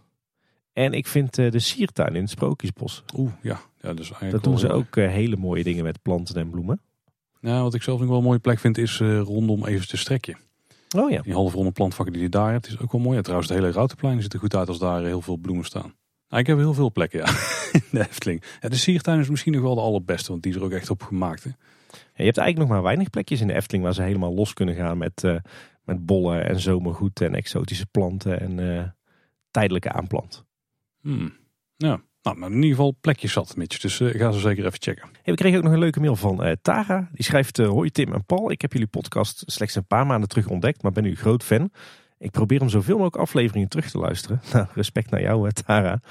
En vandaar dat ik nu kom met de aanvulling op een podcast eh, die naar mijn idee steeds relevanter wordt. Het wordt natuurlijk alsmaar warmer en warmer. Dus als aanvulling op jullie aflevering over hoe je een dagje Efteling in de hitte overleeft, de volgende tip. Als je dan toch je flesje bij gaat vullen of naar het toilet gaat, hou dan vooral even een tijdje je polsen onder de kraan. Bij de polsen lopen je aderen dicht aan de huidoppervlakte. Dus als je je polsen afkoelt, dan pompt je lichaam die verkoeling via je bloed ook door de rest van het lijf. Hm, goeie tip, ja. Keep up the good work, zegt ze. Ik geniet enorm van jullie. Nou, dat is fijn om te horen. Zeker. Heb je nu zelf een vraag voor ons, dan kun je die bijvoorbeeld mailen naar info.kleineboodschap.com of je gaat naar kleineboodschap.com en dan vind je daar ons contactformulier. En via kleineboodschap.com slash volgen vind je alle plekken waar wij op social media te vinden zijn. En dan kun je ons bijvoorbeeld een DM sturen op Twitter of je stuurt gewoon een tweet of je stuurt een berichtje via Instagram of een van de andere kanalen waar we actief zijn. En op de website vind je natuurlijk ook alle afleveringen met show notes. Nou, die hebben we al meermaals eh, genoemd in deze Ja. afleveringen. Dus alle linkjes vind je daar en dan kun je nog eens even op je gemak alles nalezen, nakijken van wat we hebben besproken. Zoals eh, bijvoorbeeld die toffe video van eh, Niels Kooijman of misschien wel een van de artikelen over 70 jaar Efteling. Ja, en Kleine Boodschap luister je natuurlijk in je favoriete podcast app. Als het goed is zitten we nog in alle apps. Maar mocht je ons nou ergens missen, laat het ons even weten. Dan proberen we er iets aan te doen. Alhoewel, we hebben er niet altijd eh, invloed op.